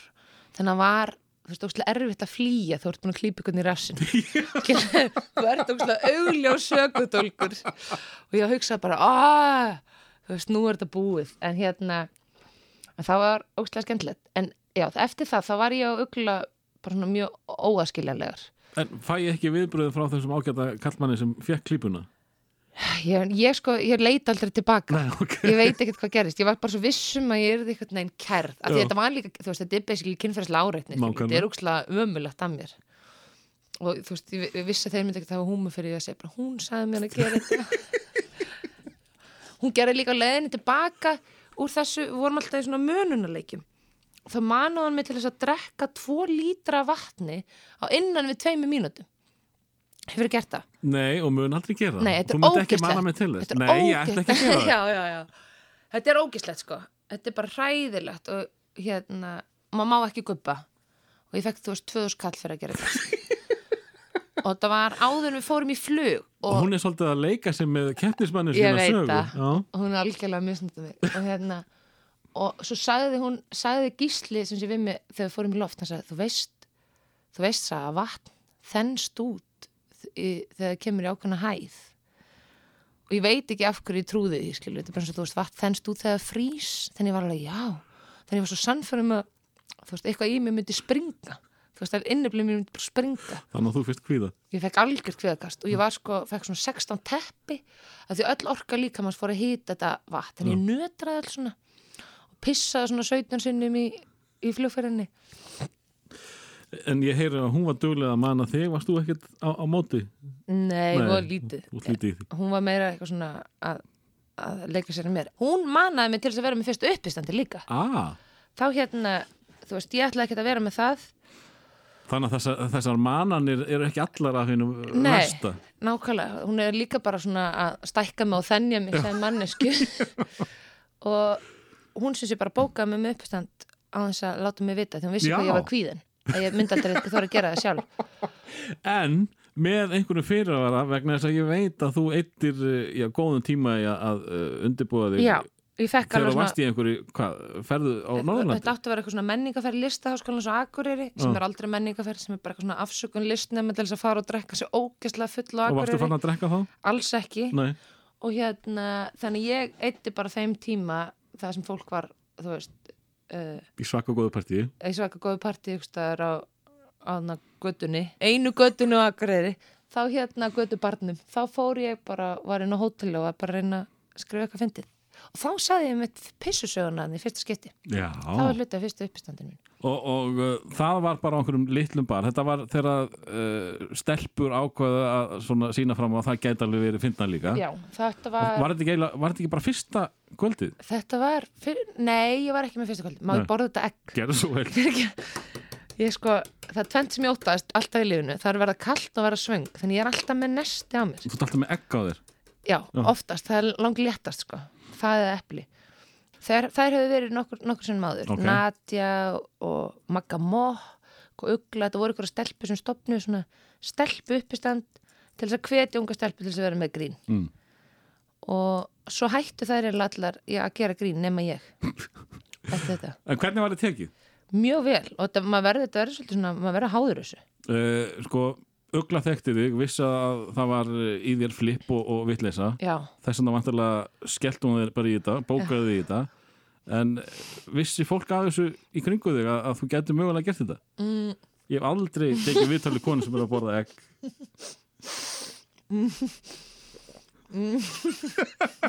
Ég ætla ekki að setja pásu. Það það er svo leiðilegt að hlusta á, fólk smjatta, þetta er bara svo, ég, þetta er bara svo fallegt Já, fyrir ekki, hvað var spurningin? uh, vissi fólk þér að- að- að- í kringu þig að þú gæti mögulega gert þetta Já, ég held það. mm. Þú veist, ég var, ég man einhvern veginn, þú veist, þessu þegar var leiklistskólan, það sagði Steppi Jónsson sem er núna prófessor í leiklistskólan, hann leið. Þú mátt ekkert bara flippa því í gegnum þennan skóla. Og það var rosa mikið verið að tala um það að maður, og í listaskólanum líka, og þú veist, ég held að hluta þessi gott og hluta ég líka bara frekar hallarslegt. Það var alltaf svona koma í veg fyrir að maður væri að gera grín. já, það er litið niður á það. Ég held það smá, veist, allavega, en er þetta ekki Stefán sem að leikstýrði Pétur Jóhann í einhverju uppistand sín Jú, nákvæmlega, heyrur það feys á hann. En hérna, þú veist, það er náttúrulega líka verið að gera þetta svo maður stækki sig, svo maður sé ekki alltaf að gera það sama. Það er samt líka einhvern veginn, þú veist, ég fór oft að skammast mér svolítið fyrir það, þú veist, að því mann datt kannski bara eitthvað í hug sem var bara fyndið. Og ég man oft þegar ég var að að stinga upp að þá var maður svona dulbúða, þú veist, maður gæti ekki sagt eitthvað, hei, maður gerir þetta, það er ógslag fyndið að mín gerir þetta. Mm. Það þurfti maður í staðin að vera eitthvað, herrðu, ég var að spá að því að mín, hérna, náttúrulega misti fóreldri sína, þú veist, væri hún ekki að gera svolítið þetta til að reyna að breyði við það hvað hún er leið, eða þú veist, maður þurfti svona stundum að dulbúa það að maður vildi gera eitthvað sniðut þannig ég held, jú, ég held alveg að fólk hafi hafi einhvern veginn alveg haft trúa með þar, sko. Þarftu ekki að vera rosalega opinn uh, tilbúin, ég er að reyna að halda gefa þér langa spurningu halda fram að borða. Ég hef að segja flippuð og, og bara hálskrítin á köflum til þess að geta verið í þessum lista háskóla. Er, er, er þetta ekki allt voðalega skríti sem er að gera til að, til það sem er að, að opna uh, einhverjar Jú, þetta er mjög gáttir? skrítið, sko Ég fór á einhver leiklista námskið þar sem við vorum bara að leika fjadrir og eitthvað svo leiðis og ég, þetta er ekki fyrir mig. Nei, sko, stór hluti að því held ég sem maður gerir í listaskólanum er bara að vera að opna mann Mm. þú veist, að fá mann til þess að þóra að vera astnælugur og gera skrítna hluti og, Og, og setja skamma ekki sín ekki fyrir Já. það. Ég held að stór hluti að þessu maður sé að gera þetta til þess Hvenar, úst, varstu strax svo gæla sem að bara hérna varst þarna fjöður í, í, í, í vindi? Nei, ég hugsa alveg oft, djöðl er þetta astnælegt Djóður er í afstæðli, akkur er ég að þessu og eitthvað svona. Já, eða þú veist, fyrsta árið náttúrulega- þegar maður fer í leiklistar undtökuprófin, þegar maður gerir hvað sem er Leika vind og eitthvað svona. Jú, þú veist, og ef ykkur myndi segja bara geltu Já, þá myndi maður bara gera, maður langar svo mikið að komast inn og fyrsta árið er maður rosa mikið að gera svona alls konar abstrakt og það myndi bara að vera að opna hugamanns fyrir ykkur og svona svo árið tvö þá manni ég, ég var ánslítið þreytt þegar ég var að liggja í jörðin og, og velta mér um þá var ég svona oh, þú veist hvernig get ég fyrir að gera eitthvað annar þú veist en En skilur þetta núna þú ert búin með námið? Já, ég skildi, ég held ég hafa haft rosalega gott að þessu þó ég hef ekki kunnað að meta þetta þá til Já. dæmis og þú veist, ég held að sé líka alveg eðlilegt að vera að velta sér í gólfinu í svona tvo tíma og hugsa á einhverjum tímapunktu bara djöðlega er þetta asnalegt það er bara mjög eðlilegt að hugsa hvað þetta er astnæðilegt Já, eftir allan á tvo tíma. Já, ég, meni, veist, ég hugsa líka stundum bara þegar ég er með uppistand þú veist, ég hugsa allt sem ég geri þá hugsa ég ykkur um tímpandi djöðlert asnalegt? Þú veist eins og þegar ég er með uppistand það er eitthvað djöðlert eitthvað asnalegt að ég sé að koma ykkur ókunnu kona í parti til einhvers fólks og reyna að vera fyndin? Djöðlert það asnalegt? Ertu rosalega mikið að tala á sjálf og þó sést með þessi að performa? Já, ég segi þetta, já. Ertu bara leiðin upp á svið? Nei, þú veist, maður hugsa þetta stundum. Stundum hugsa ég líka, djöfull er ég sniðu eða þú veist, maður hugsa ég umhverfislega Já.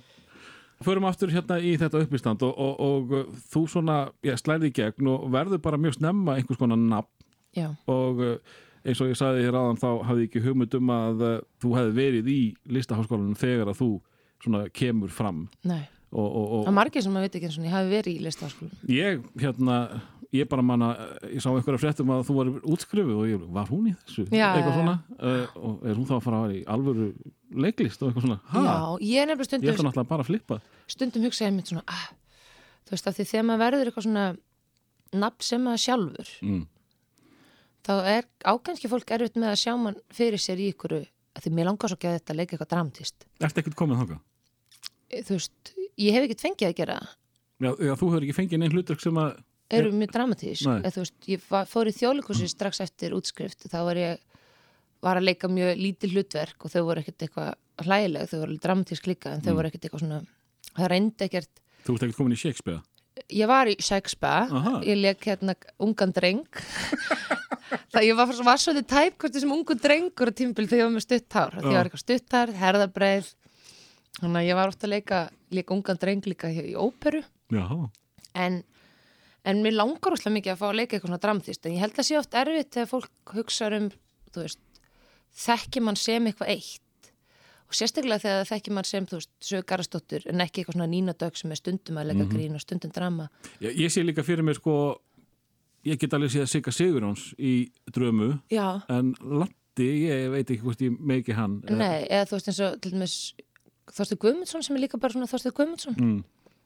Ekki bara, þú veist, hann er geggjær og eða þú veist, Steindi, Steindi er enda núna að fara að leika eitthvað dramtist Já, ég held að það verið skrítið að sjá það. Já, ég held hann er líka svo mikil trúður sko. Þú ferðum stundum í trúðin líka. Já, nefnilega, ég hérna, en ég held sko til dæmis að gamanleikarar eru oft skemmtilegustu dramaleikarnir, Já, ruglega en ég líka að reyna að segja þetta því mér langar einhver kastu mér í eitthvað dramatíst, en ég er bara að reyna að selja það. En, en uh, sko með þessu uppstandi þá náttúrulega breytist eitthvað. Þú verður svona þjóðþektari smá saman og, og, og uh, ferð að gera alls konar vitleysu. Já, og uh, það er náttúrulega tvent sem að mitt eftir í hug og það var hérna að nokkið langt síðan þegar þú varst að hérna kynna tónlistar, nei, hlustundar uh, hvað hérna? Hlustundar er það um edduna þegar ég Nei, stend, hl- hlustundar velunin Já. Já, Edda var á undan eða ekki? Ég held það. Þetta fór í sleik og eitthvað og ég sá bara hérna fjörsbókin að loga Það var allt brjálað. Ég kom upp í leikhús, ég var í unni upp í þjóðleikhús þá og Ólafía Hrönn stoppaði mig, hund skammaði mig. Nú, ég held að þetta var ekta fyrir hana Já, þú veist, fólk fannst hérna, fannst þau náttúrulega vera að stela fókus sem var náttúrulega alls ekki það sem við ætlum að gera, þú veist, vorum En eigið þið ekki að vera skemmtilegu milli atriða? Er Jú, það þú veist, það var, og það var það sem við ætlum að gera og svo vorum við líka bara tveir grínstar að gera óæft atrið upp á sviði og það gekk bara of langt, skilur og það er, mér finnst það ennþá ógislega fyndið, skilur, við höfum farið bara í, í sleik í miðri, miðri ræði, Og það, er ekki, fyndið. það var ekki planað? Þú veist, við ætlum og vorum búin að ákveða, við ætlum eitthvað svona kissast en ætlum að eitthvað svona slölla, svona gífulega sko. en, en svo gerðist það og mér finnst það ógislega fyndið en, og ég myndi segja þetta hafi verið fullkomlega vel hefnað en við vildum náttúrulega alls ekkert vera að stela fókus af þeim sem hlutu velun, það er náttúrulega bara geggjað en stundum gerist það bara í, í hitta leiksins Mm. að Það var mikil hítið þarna greinlega það var mikil hitti En eh, sem sagt, eh, það er einhver tími frá, frá fyrsta uppistandinu fram að þessu þegar þið eruð þarna á edduháttíðinni Já. Ímislegt sem gerist þá Var kryddsíldin, hún var fyrir þetta eða ekki? hún var, nei, ég held að verið tíma? eftir það? Ég held að, ég veit ekki, hérna er eitthvað fer allir í klessu hjá mér. Mm -hmm, Ég er bara svona að reyna Já. þá til að segja mér eitthvað hvað þú hefur gert Einmitt, Já. já. Því. Ég er búin að vera að væli þér að gefa mig sögur þannig að Já. þetta- er kjú Þetta er kjú, skiljú. Hérna, sko, á þessum tímapunkti þá var ég held ég bara svona, þú veist, ég var náttúrulega nýjútskjöfu leiklistaskólanum, komin inn í þjóðleikhúsið uh, var hætt með kærastanum mínum, ég var svona lausu, þetta var svona manís tímabil hjá mér. Ég man ég fór, labbaði á Everest, Já, það. grunnbúðir Everest og já, ég var svolítið bara svona, já, mjög kvatis á þessum tíma. Var alveg á út af Ekki það að þú hafi verið það fyrir. nei, nei, þú veist, algjörlega en, en ég var svona var svona miklu meira bara svona að hoppa á eitthvað, þú veist, gera bara eitthvað. Mm. um, og ég fekk að skrifa áramótasköpið á þessum tíma. Alveg það var mjög skemmtilegt, þá kynntist ég Ilmi Kristjáns og, og þá var ég náttúrulega að leika líka hérna í, e, búin að leika í stendanum okkar og ég og Stendi og Ilmur vorum að skrifa á svona bakkalótskvöllanum, það var ókislega skemmtilegt. Það var svona fyrsta skrifverkefni mitt. Mm. og, og það byrjaði sinna að vinda upp á sig. Síðan náttúrulega skrifaði ég Kenneth Mána á samt Jóhanna Ævari fyrir Bjösa Tórs og Borgarleikusið sem að Bjösa Tórs brilleraði í og Bergo þá leikstyrið Já. þá það var hérna, það var mjög kviðvanlegt og svo kemur bakk eiginlega bara svona onni það það er svona stærsta kveikmyndalutverk mitt Já.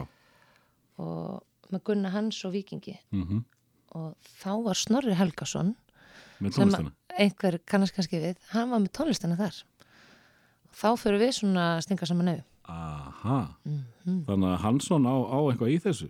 já, já eða í hverju Þessu sambandi. þessu, hann Snorri? Hann, hann leit, nei, hann Gunnar Hansson. Gunnar Hansson, já, klárlega sko klárlega. Ég var sko samt búin að á þessu tímabilið þá var ég svona snerist tilhuga líf mitt. Ég var sko búin að sætta mig það að ég ætla bara að vera svona kona sem ætti heim kannski ykkur resíbúð og væri svona alltaf að skrifa eitthvað og væri líka bara svona að sofa hjá fullta fólki og ætti bara ketti og væri svona hérna engin ábyrð Hmm. ég ætla að vera svona þannig, ég ætla að vera svona algjör svona bóhem típa og svo Þú varst það, það ekki á þessum tíma? Jú, á Þú þessum tókst alveg tíma. bófum með allan leið. þá tók ég bóðum allar, ég man mér líka ég hérna, ég hérna fyktaði mér að við að reykja Já. skil, ég var ekki byrjuð að drekka Varst ekki byrjað að drekka? nei, en ég man sko hérna ég kveikti um stundu svona í síkartu og það einu sem ég hugsaði það var bara djöfull er ég mikill listamæður þetta er list skilur að vera eitthvað einn að reykja síkarett, það er list og ógeðslegt skilur og, og hérna svo skrifa ég líka þú veist, var ég að daðra við að skrifa ljóð. Já. og ég þóra ekki að kíkja á þau ég er svo hrættum með sjöldberga sígarettan flotta. Að vera einn og, og og svona tilgerðilegu tími mínu lífi. En, en samt ertu ekki búin að fá drama hlutverkið þannig að þannig ertu með, þannig er einhvers konar sprelligósi já, sem uh, vill vera tekin alvarlega sem listamæður. ég, ég, það er eina sem ég vil. Ég, vil- það er þrennt sem ég vil í lífinu. Ég vil bara láta taka mig alvarlega.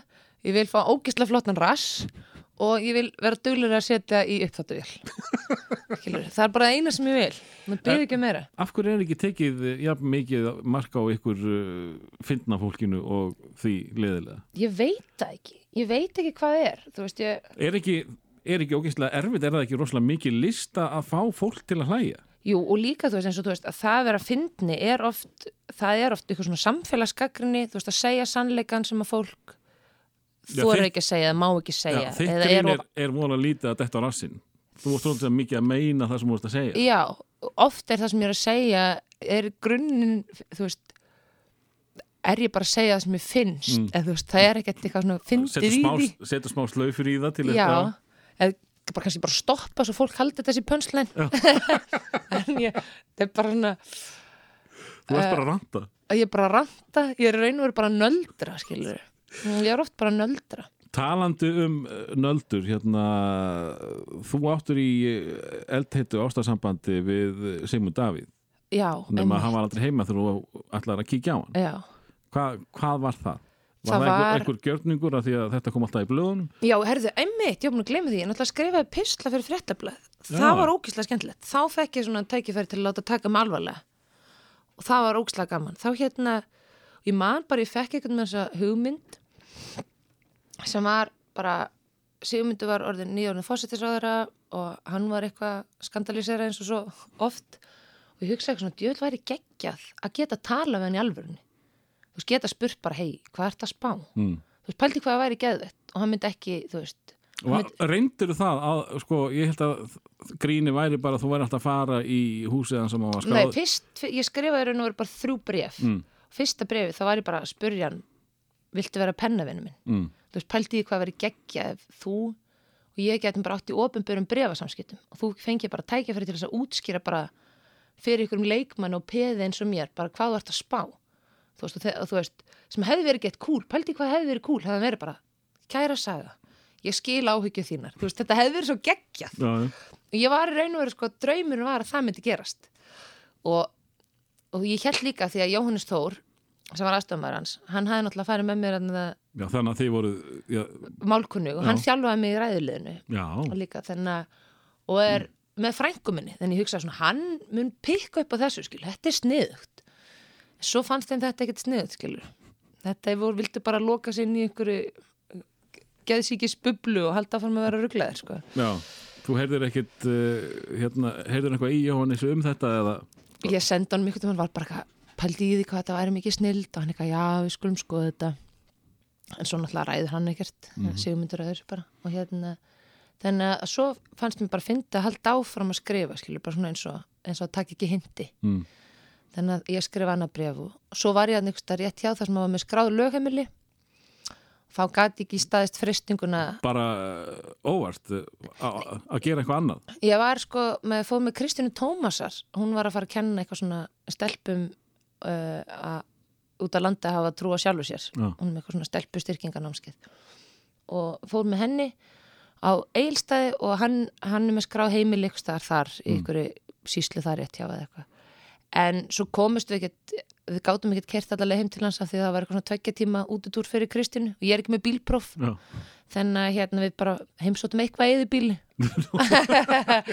Og létum Ég þess að vera heimil betur. hans. Nei, nákvæmlega. það söðsvættur almúin, hann glifti þetta allt saman. Ah.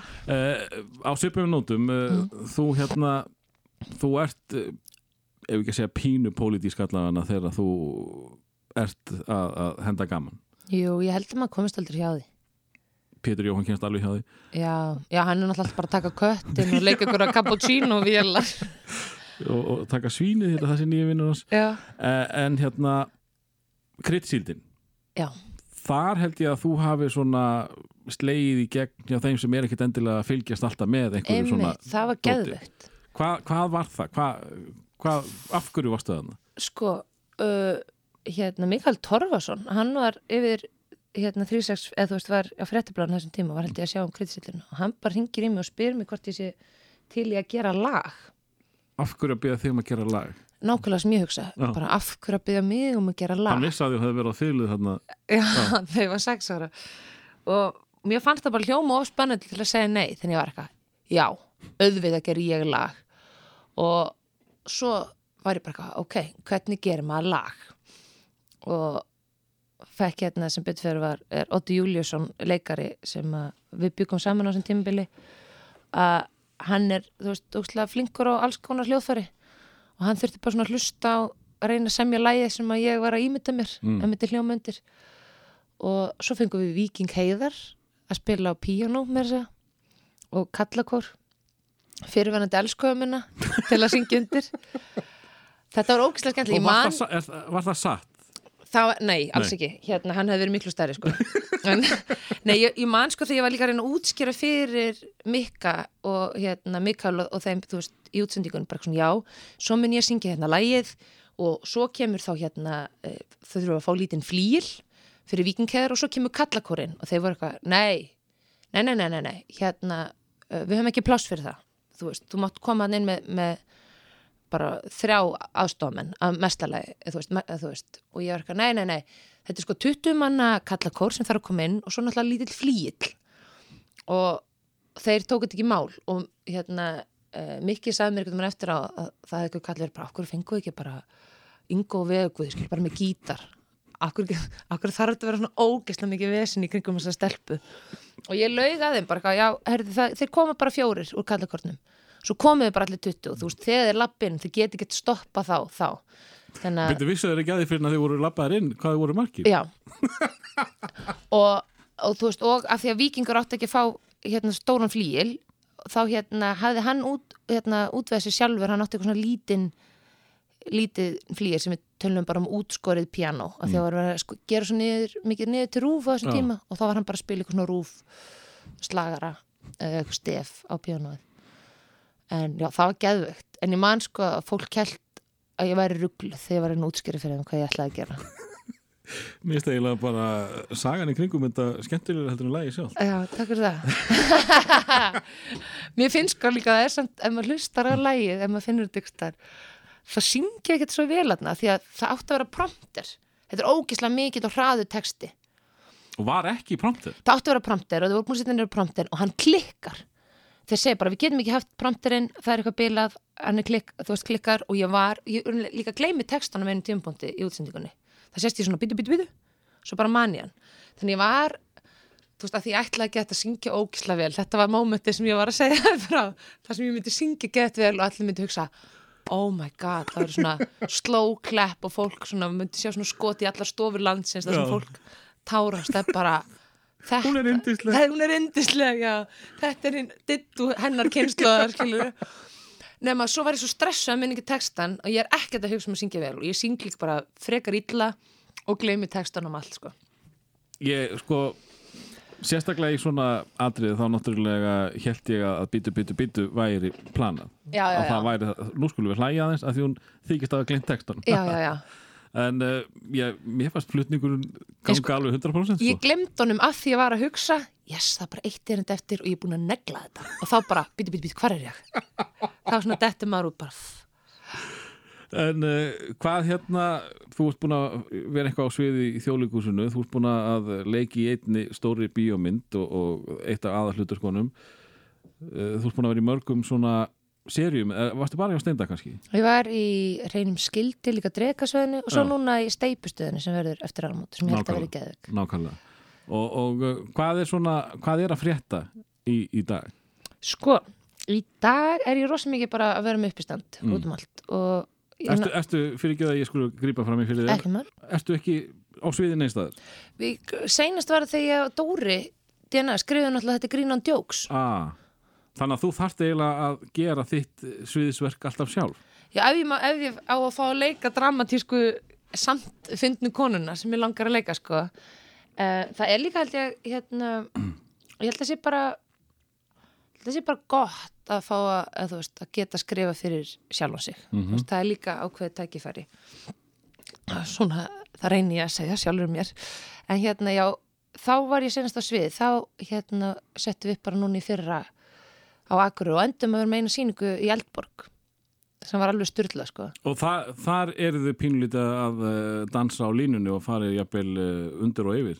já, þá voru svo mikið að kanna bara hvert má grín fara Já. en skemmtilega saga ég alltaf henni munna að því þú veist, við vorum eitthvað fyrsta leiksýningin sem er sínd á stóra sviðin í Eldborg eitthvað sem er ekki satt af því að fyrsta leiksýningin sem var sínd á stóra sviðinu hérna Eldborg það var hérna þrimskviða á Esperanto sem ég lék í og hérna svona leikstyrði þannig að ég var á tímabili alltaf að ljúa í hérna blaðvittulum þegar kom eitthvað svona eitthvað, eitthvað annað. Og ég tók alltaf fram, ég tala reybrennandi Esperanto. Af því mér fannst það bara fyndið. Ég tala reybrennandi Esperanto og svo fæ ég eitthvað um símtal frá Esperanto félaginu. Og hérna þeir vilja hitta mig og þeim langar að setja upp þrimskviðu á Esperanto. Og ég náttúrulega tala ekki Esperanto en, og ég segi þeim það bara er ég tala eitthvað, þeir eru tilbúinir að kenna mér. Kenna mér bara að bera fram með öll þessu orð. Og ég fæ tvo leikara til þess við mig, uh, Völu Kristinu og Hjört Jóhann. Og við fáum bara peninga til að setja upp þrimskvið og Esperanto og árlegri Esperanto ráðstöfnu sem var í fyrsta skipti átt að halda á Íslandi. Þannig að ég kann ekki Esperanto, ég kann bara þrimskvið á Esperanto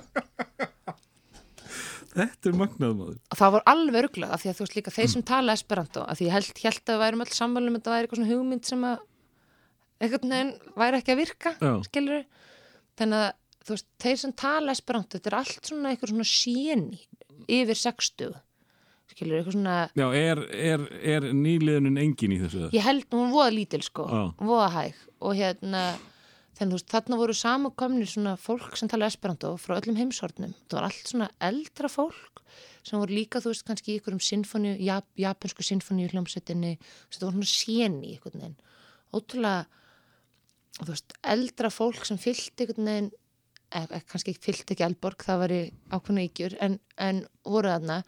Og ég man, þú veist, það var svo stressandi þú veist á sviði og þú hugsaðar ef ég rugglast þá er engin leið til að bjarga mér þú veist, ég, ég kann ekki, ég veit ekki eins og hvað ég er nákvæmlega að segja, þú veist, ég veit bara Já, getur þetta? Getur þú bara uh, lagt á minnið einhverja stafa samsetningu og leikið hana í, í klukkutíma eða hvað? þú veist, ég gata þá, eða, þú veist, ég vissi sirka hvað allt þýtti en ég hef Já. aldrei getað að redda mér þú veist, eins og, þú veist, ég hef glemt texta á stóru sviðinu og þá redda maður sér Já. samt, þú veist, að því maður veit svona sirka hvað var inntakið í því sem maður átti að segja Einmitt. en þú veist, þú veist að tala esperanto og talar ekki málið þá, Hvernig, hvernig, þú voru aðeins að útskýra fyrir okkur hvernig, hvernig tilfinningin var að uh, leika þarna eitthvað verk á uh, tungumáli sem þú þekkir ekkert. Það, það er örgulega erfitt að leika á ensku eða dönsku sem þú mm. kant einhvað en þú kant ekkert þarna. nei, Bara nákvæmlega línurnar, þú, eins og þú sagði, þú veist valla hvað er að gerast. mér fannst þetta aðalega bara ótrúlega fyndið veist, það var eina sem ég hugsa bara, djöfill er þetta fyndið þú veist, það var allt, allt umstangið í kringum þetta var svo fyndið og og svo hugsa ég líka reyndar, ég mér langa að gera þetta svo ótrúlega vel af því að hérna Esperanto fjölaði í Íslandi samastendur alveg svona ótrúlega ljúfu mönnum sem að vildu bara gera ótrúlega vel og representa íslenska menningu og eitthvað. Þannig að ég var aðalega bara svona, svona hlægilega metnaðafull Mm. myndi ég bara lýsa tilfinningunni. Það er eitt sem að þú minnst það svolítið oft í, í þessu spjalli að uh, þú hérna varst ekki byrjað að drekka. Uh, ég var ekki að drekka þá. En uh, hefur eitthvað breyst? Já, oh, það verður allt breyst til þess betra.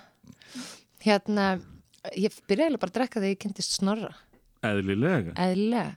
En ég hafði svona oft aðra við að mér langaði að gera það, en En veist, orðin þetta gömul, hva, hvað stoppaði þig? Akkur ekki að fá sér eitt kvítinsglas með humurunum alltaf eða eitthvað? tala, ég held að það veri sko fyrirmyndar ótti. Mm. Það var alltaf sagt eitthvað þú ert svo flott fyrirmynd. Og nú ertu að segja að sé æðið að drekka í útarspilinu. Já, já, líka, en þú veist, það er ekkert að præðilegt og að vera fyrirmynd. Mm. Fyrirmynd er eiginlega bara svona vesti stimpill sem maður getur fengið á sig af því þá er maður bara, hann er svo, svo þrúandi, sko, þú veist, þú mátt ekki gera neitt. Þú verður að, Kýmur kvíðin aftur. já, alg, þetta er mjög kvíðvænlega stimpill, maður hugsa bara, ég verð að standa mig, ekki bara fyrir mig, heldur fyrir allar stúlkur á Íslandi, skilur sem er svo ótrúlega óheilbreytt. Þannig að ég var alveg búin að halda svolítið í mér, mér langaði að pröfa að bara fá mér eitt rauðinsglas og eitthvað. Og ertu að segja mig það að þú hefði lifað þínu lífi, Mm. allavega þín síðari ár, sko bara til þess að standa upp í þessari fyrirmynd sem að já, þú vildi vera fyrir aðrar. Já, oft. Ég myndi segja alveg svona 2-3 ár. Það er rosalega. Það er rosalegt. En það er líka, þú veist, það er óslega erfitt að maður hittir fólk sem er eitthvað svona, þú, þú drekkur ekki eða það, nokkuð. Dóttir mér lítur svo upp þín, þú veist, það er maður bara, fokk, Mm. ef ég byrja að drekka, þá leiðist dóttir hennar út í neyslu. Þú veist, þannig þannig að það var svona, þú veist, ég man alveg eftir því ég var eitthvað svona, ég fór ykkur til Fraklands með Parísar með uglum mitt og Sigrun Hlín vinkunum mínum og steina í skúla og það er svona stalsti til þess að fá mig freyðin í fyrsta skipti. Mest að geðvegt og ég alveg þú myndi mig ekki segja neinum þetta. Enginn á Íslandi má vita. Og sem er óslega fyndið af því að það er ekki eins og ég sé fallin svo man ég líka til í fyrsta skipti sem ég var svona eiginlega freka full. Og þá hérna króa ég mitt þessa sömu vinkonum mína af og alveg brjáluð. Af því ég var svo reið út í þær að þær hefðu ekki sagt mér að þetta væri svona skemmtilegt Skilu, ég hefði þurft að bara Ég, ég bjóst freka við þú ætlar að fara að segja að þið segið engum frá þessu. Nei, nei, nei, ég var bara, af hverju sögðu mér ekki að þetta væri svona gaman? Eins og ég hefði gengið gegnum lífið, þú veist svona haldandi utan um nefið og einhver hefði sagt bara, þú veist, þú getur andað um nefið líka. Má vera eitthvað, what, það er snild! Skilur, ég var bara eitthvað, þetta er geðveikt. En, en uh, sko, og aftur líka öðru sem þú talað mikið um, það, er, það er reyfingin og æfingar. Uh, þú hefur ekkert uh, stoppað þar. Þú, þú fóstu úr... Ég kom hlaupandi hingað. Þú komst hlaupandi hingað. Uh, hérna, og varst ekki, erst ekki mjölni eða? Ég var í mjölni, nú er ég alveg bara í völdklass. Og, og, og þú ert á hætti í þessari vikingarleikum með þarna. Já, tók pásu frá hann þegar ég fór á Akureyri, Mm. af því að mjölnir eða þú veist, ef með eitthvað útibúð það er ástæð ekki jafn skemmtilegt. Þannig að þú ert bara í svona einhverju venjulegu eins og allir hinnir, bara aðeins í tækin og já, já, en ég er ég, hef mjög mikla þörf fyrir að reyfa mig. Ef ég reyfi mig ekki þá á ég það til að fara svona í hausin á mér í eitthvað svona spíral. Þetta er raun og veru kannski bara svona hvernig ég díla við kvíða Mm. með reyfingu Og er þetta þá kannski einhver orka sem þú þarfst að losna við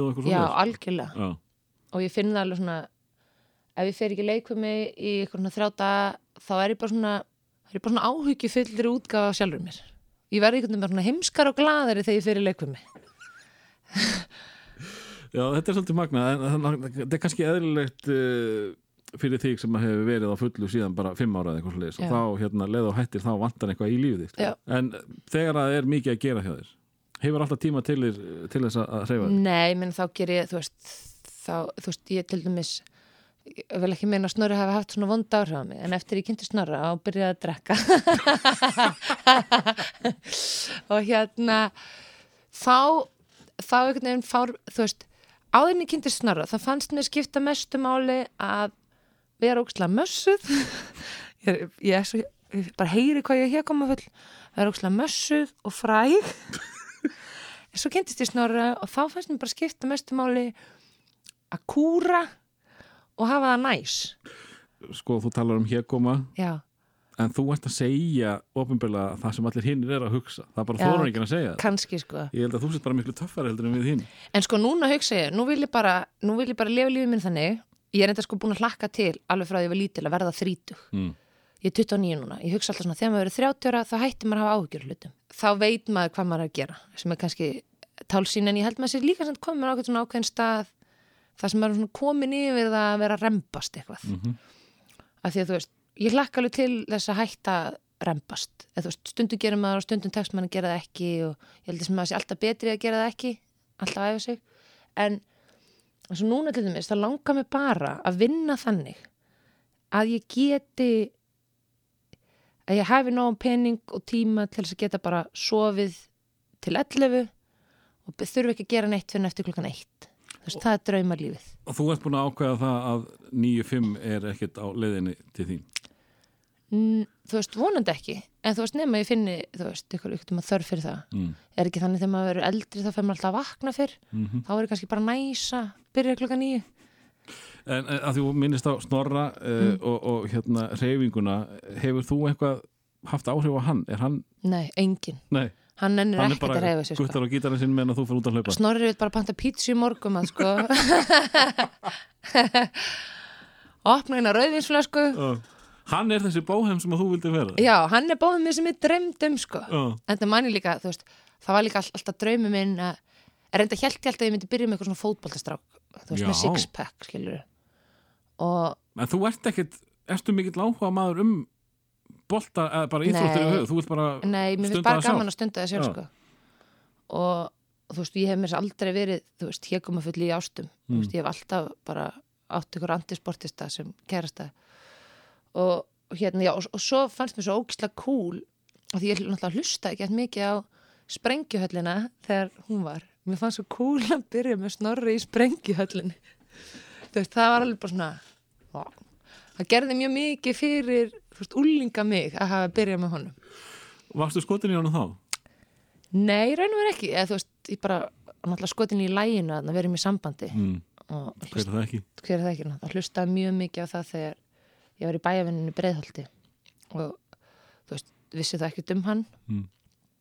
en en svo svona þú veist, ég hérna hafði ég og verið ekki hlustað mikið á tónlistinans fyrir en ég byrjaði sér með honum núna, sem er ógstlega fyndið því að hérna ég var svo stressuð þegar ég var að hlusta á hann því var ekki, nú þarf ég að kynna með tónlistin sem Snorri gerir.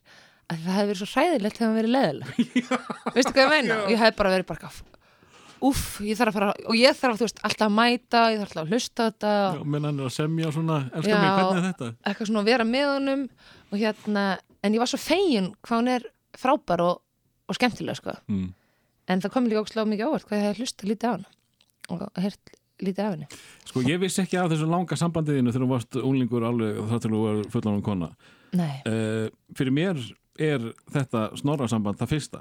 nú? Þetta er fyrsta opinbera sambandið þitt. Já, það mætti segja þetta væri svona þetta væri kannski fyrsta sambandi mitt Nei, já, Ertu allt önnur gæla núna? Þú ert náttúrulega farin að drekka og farin að djamma miklu meira þú veist, ég er náttúrulega allt önnur gerðilega heldur en ég var, eða, þú veist, nei, auðvitað ekkert allt önnur, ég er kannski bara svona bara svona þross eð, eð, eðlilega, sem betur fyrr hef ég ekki staðið í stað sem ég var 16 ára. Mm.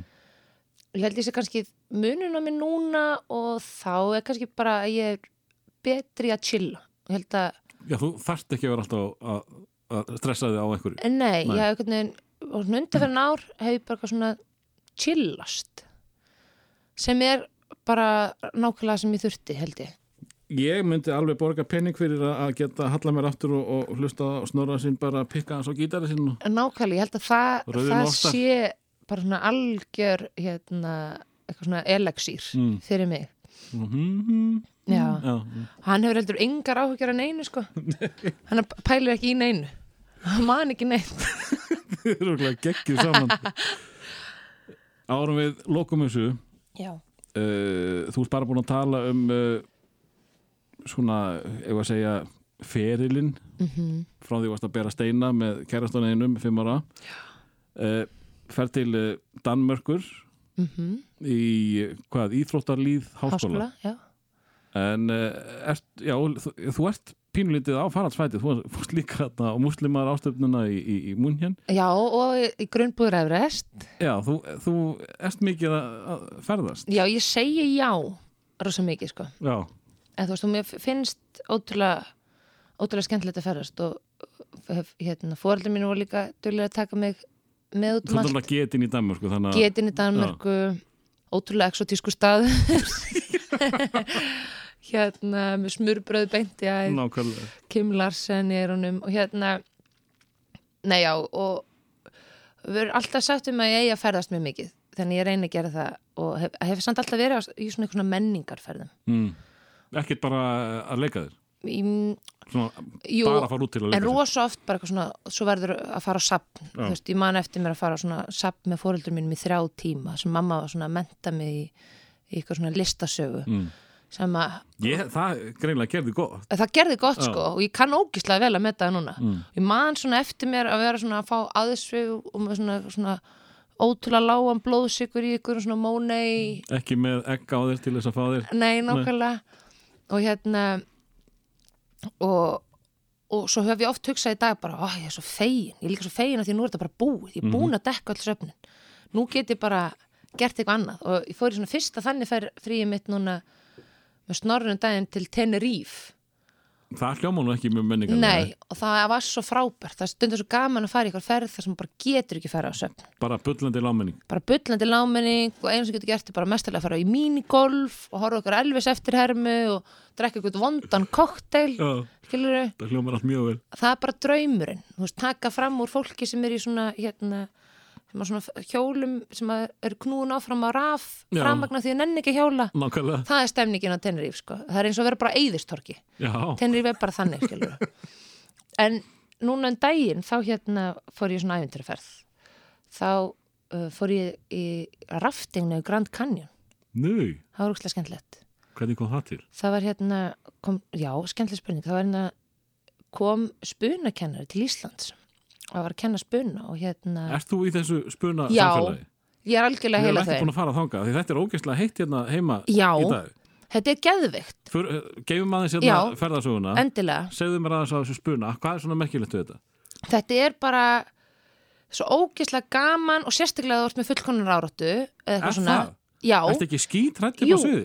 Nei, þetta er svo, þetta er svo frelsand af því þú það er ekkert sem ég get gert til að undirbúa mig Já, en ef þú segir eitthvað sem engin annar getur, getur hérna, sko þú þarft að spuna með öðrum með það ekki Jú, en þetta, þannig, þú veist, málið er, ég er aldrei, þú veist, við erum alltaf, ef, ef ég og þú fyrir að sp- að spinna, Mm. það erum við bara saman í þessu.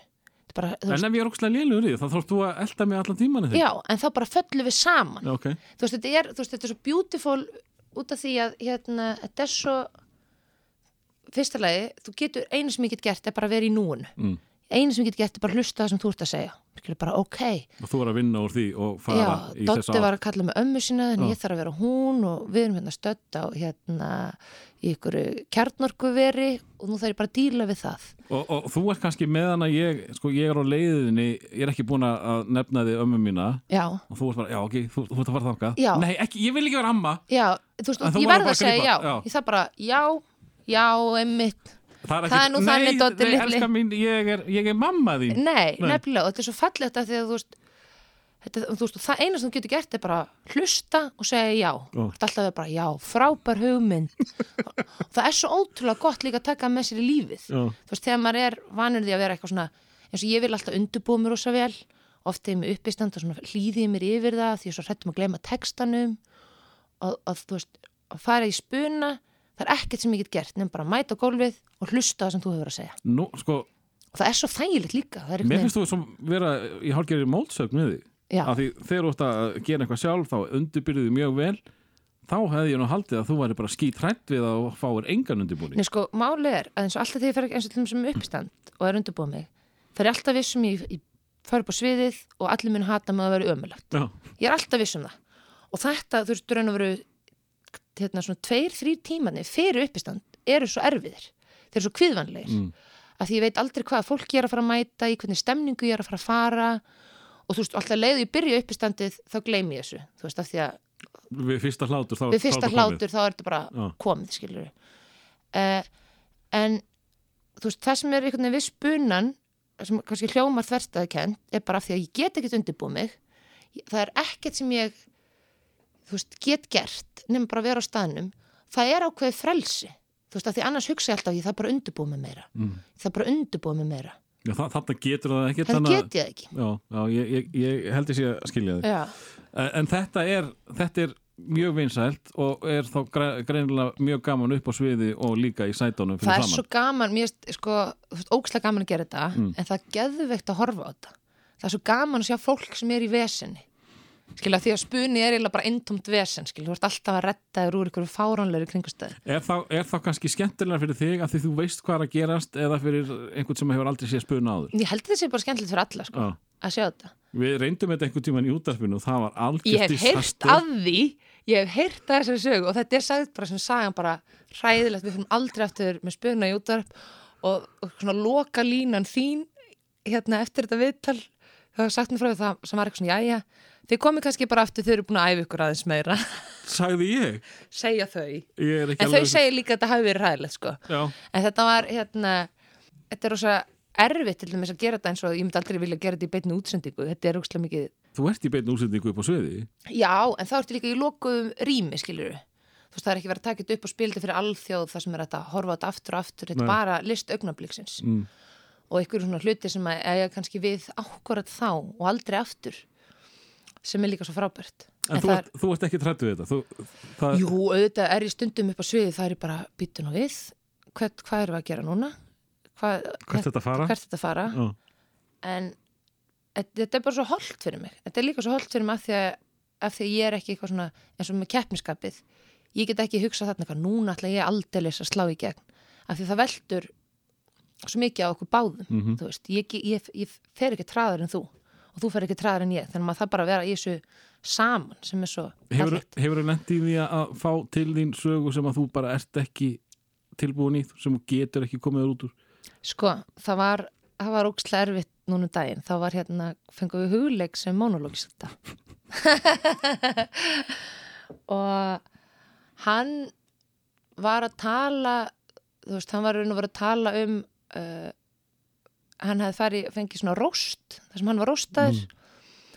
Og, og svo var hann eitthvað svona að tala um róstið í, í, í monologinu sínum. Og monologinu var svolítið svona mikið um þú veist, það að það megi ekki gera grín að barnagerund. Mm. sem er bara fullkomlega valit og það vil enginn gera grín að því. Nema það þegar þú ert búin að tala bara að tala um það í mónuloknum, það er eiginlega það eina sem getur, þú veist, að þetta átti að vera inspiration fyrir spunan, þannig að eina sem maður hugsaði var bara ekki, ekki það. Ég ætla ekki vera ég ætla ekki vera, þú veist, það var ógstlega erfitt að því vorum öll bara að hugsa um þetta sko. það er eiginlega erfiðasta sem ég hef lagt í. Og uh, hugleikur hefur ekkert fundist það mjög leiðilegt Nei, ábygglega ekki sko. skilja þetta eftir sjálf.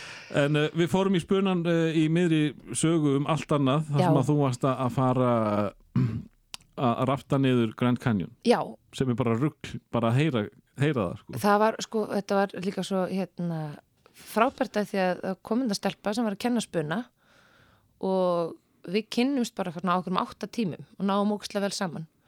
Svo fer hún bara til Ameríku og heyri síðan í mér eftir á hérna og segi bara, herðu, ég er búin að vera skiplega þess að ferði heilt ár. Vinkonu mín var að beila vilt þú ekki koma með mér? eftir átta tíma kynni? Já, og svo vantarlega eitthvað á netinu? Já, eitthvað spjall á netinu og ég eitthvað, herðu, auðvitað. Þú veist, ég get ekki satt nei við þessu. Og svo þú veist, hérna, þetta er alveg svona þú veist, það er þetta, við erum að ferðast þarna, við erum í gljúfrun í ykkur að sex daga og ég kem eitthvað til hennar undan, þetta er alveg svona langur tími sem við erum að fara að vera saman á. Og ég mani hugsa okkur um tímapunkti að því að hún er hérna e, samkynneið og var að lausu. Ég hugsa svona, ég vonu sé ekki að reyna við mig. Eða þú veist, ég var svo hrættum hrættum kvíðin já, svo mikil kvíði ég var alveg ok líka ókslega egocentrist að hugsa það þannig ég var alveg ég man bara því að þú veist, þessu kom ég ángað og þú veist, í Ameríku eru náttúrulega allir bara I love you, I love you man. Eitthvað svona. Mm. og hér heima er enginn að segja þetta eitthvað svona flagga þessu. En þannig ég man sko fyrst þegar hún var alltaf að segja svona yeah, I love you Saga. Þá var ég alltaf thank you, I understand þú veist, ég þorði aldrei að segja neitt tilbaka því ég var svo, var svo stressu sko. Þannig að það var ekki fyrir en eftir svona það var alveg svona fyrst, fyrstu dagarnar því þekktust reyna var ekki neitt, vorum að fara að vera bara intensíft í glúfuri með ekkert símsamband engin tenging við umheiminn. Brjálu lesbía við hliðan á þér. Og, já, brjálu lesbíða með eglos og hérna og svo náttúrulega kom í ljós, hún var ekkert skotinu mér hafði engan áhuga á mér og eftir þrjá dag gæti ég alveg verið bara, yes, þá verið ég farin að segja bara öllum hvað ég elskaði það mikið. En það var bara svona fyndið þessi fyrstu dagar þar sem ég, það er svo mér leiði svo, þú veist, svona kaldi skandinavin hittir málglaða Amerikanan, þetta var svo mikið þannig þá fann ég svona að það er alveg ógeðslega mikill menningamunur það er það nefnilega Amerikanar, þeir, þeir segja allt sem þeir hugsa. Það er bara bein útsetning úr hausnum þeim. Þeir eru ekkert að filtera það sem er áhugavert út frá bara einhverju, sko. Ma, maður verður stundum svolítið hrættur við þá sko. hvað, hvað þið segja mikið sko. Og þú veist, maður finnur bara hvað maður er í sama byrjun, þú veist, nú tala ég freka mikið, mm en þú veist, það komum bara dagar enn í gljúfuruna sem ég sagði ekki neitt, því ég komst bara ekkert að. þú veist, það, ég held að það sé eiginlega bara frábær uh, útgangspunktur uh, í þessu spjalli já, að þú hafi fundið þarna fólk sem að náða að tala þig í, í hel. Í hel, sko. geggjað. Saga Garðarsdóttir Herri, seinasta lagið, Já, ég, þetta er nákvæmlega saman að gerist um sveppa Ég gleymd að að fá það. Hvað er, ef sko, það er ekki snorri. ég ætla ekki að velja snora því að ég vil, vil virka cool, skilur Ok. þú veist, auðvitað langar mig að velja svona sjölega með snora en það verður svo hallarslegt þess vegna ætla ég að velja lag sem að mér finnst þú veist, að því að við vorum náttúrulega að hlusta á Gangsters Paradise mm. og ég er ennþá svolítið svona svag fyrir því stundum að hlusta á rap og ímynda mér að ég sé að rappa og sé ókslega töff. Hvernig finnst þér þessi íslenska rapsina? í dýrkana, Já, algjörlega ég er hérna vandræðilegur aðdándið þeirra allra sko. það varst alveg ólín og varst að mæta á tónleika og með hreyfingarnar sjá Já. Erni átna sinni mér finnst sko hérna mér finnst sko snorri vera svona svona fólkarlegri útgáfa af MC Gauta. Þeir eru lítilega eins út. Það er alveg rétt í það já. Og hérna ég vil að snorri verða MC Gauti á hérna öskudaginn. Já, ég vil alltaf að fá tölvuleik frá snorra. Já nákvæmlega. Og hérna en ég ætla að velja hérna Kött Grá P hann er uppáhaldsrapparinn er geggjað. Trilljón Skötur sem er geggjað Þá er þetta komið. Já. Takk hérlega fyrir kominu, fyrir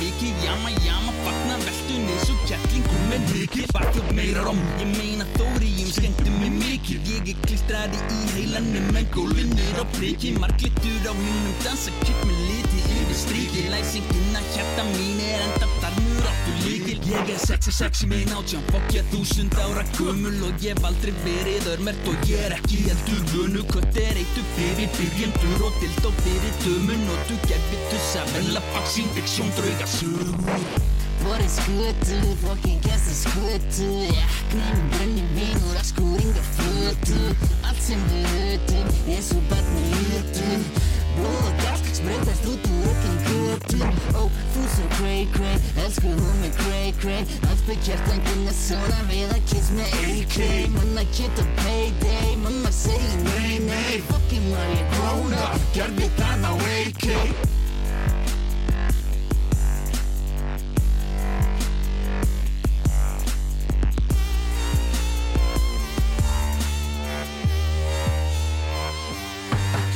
Handa svarta regnbógans er ekki að gull. Bitch, hlandskál, dúsjam, dadakam, kitsch, bitch, brandá Beitu skít í mark og crappa mig svo framhjá Aldur fokk er ekki shit maður og ég sé ég gandál Rough shit, handjál, sveip orð, andlát. Nýheld í byggrúti, vandá, drast í þess að standa á.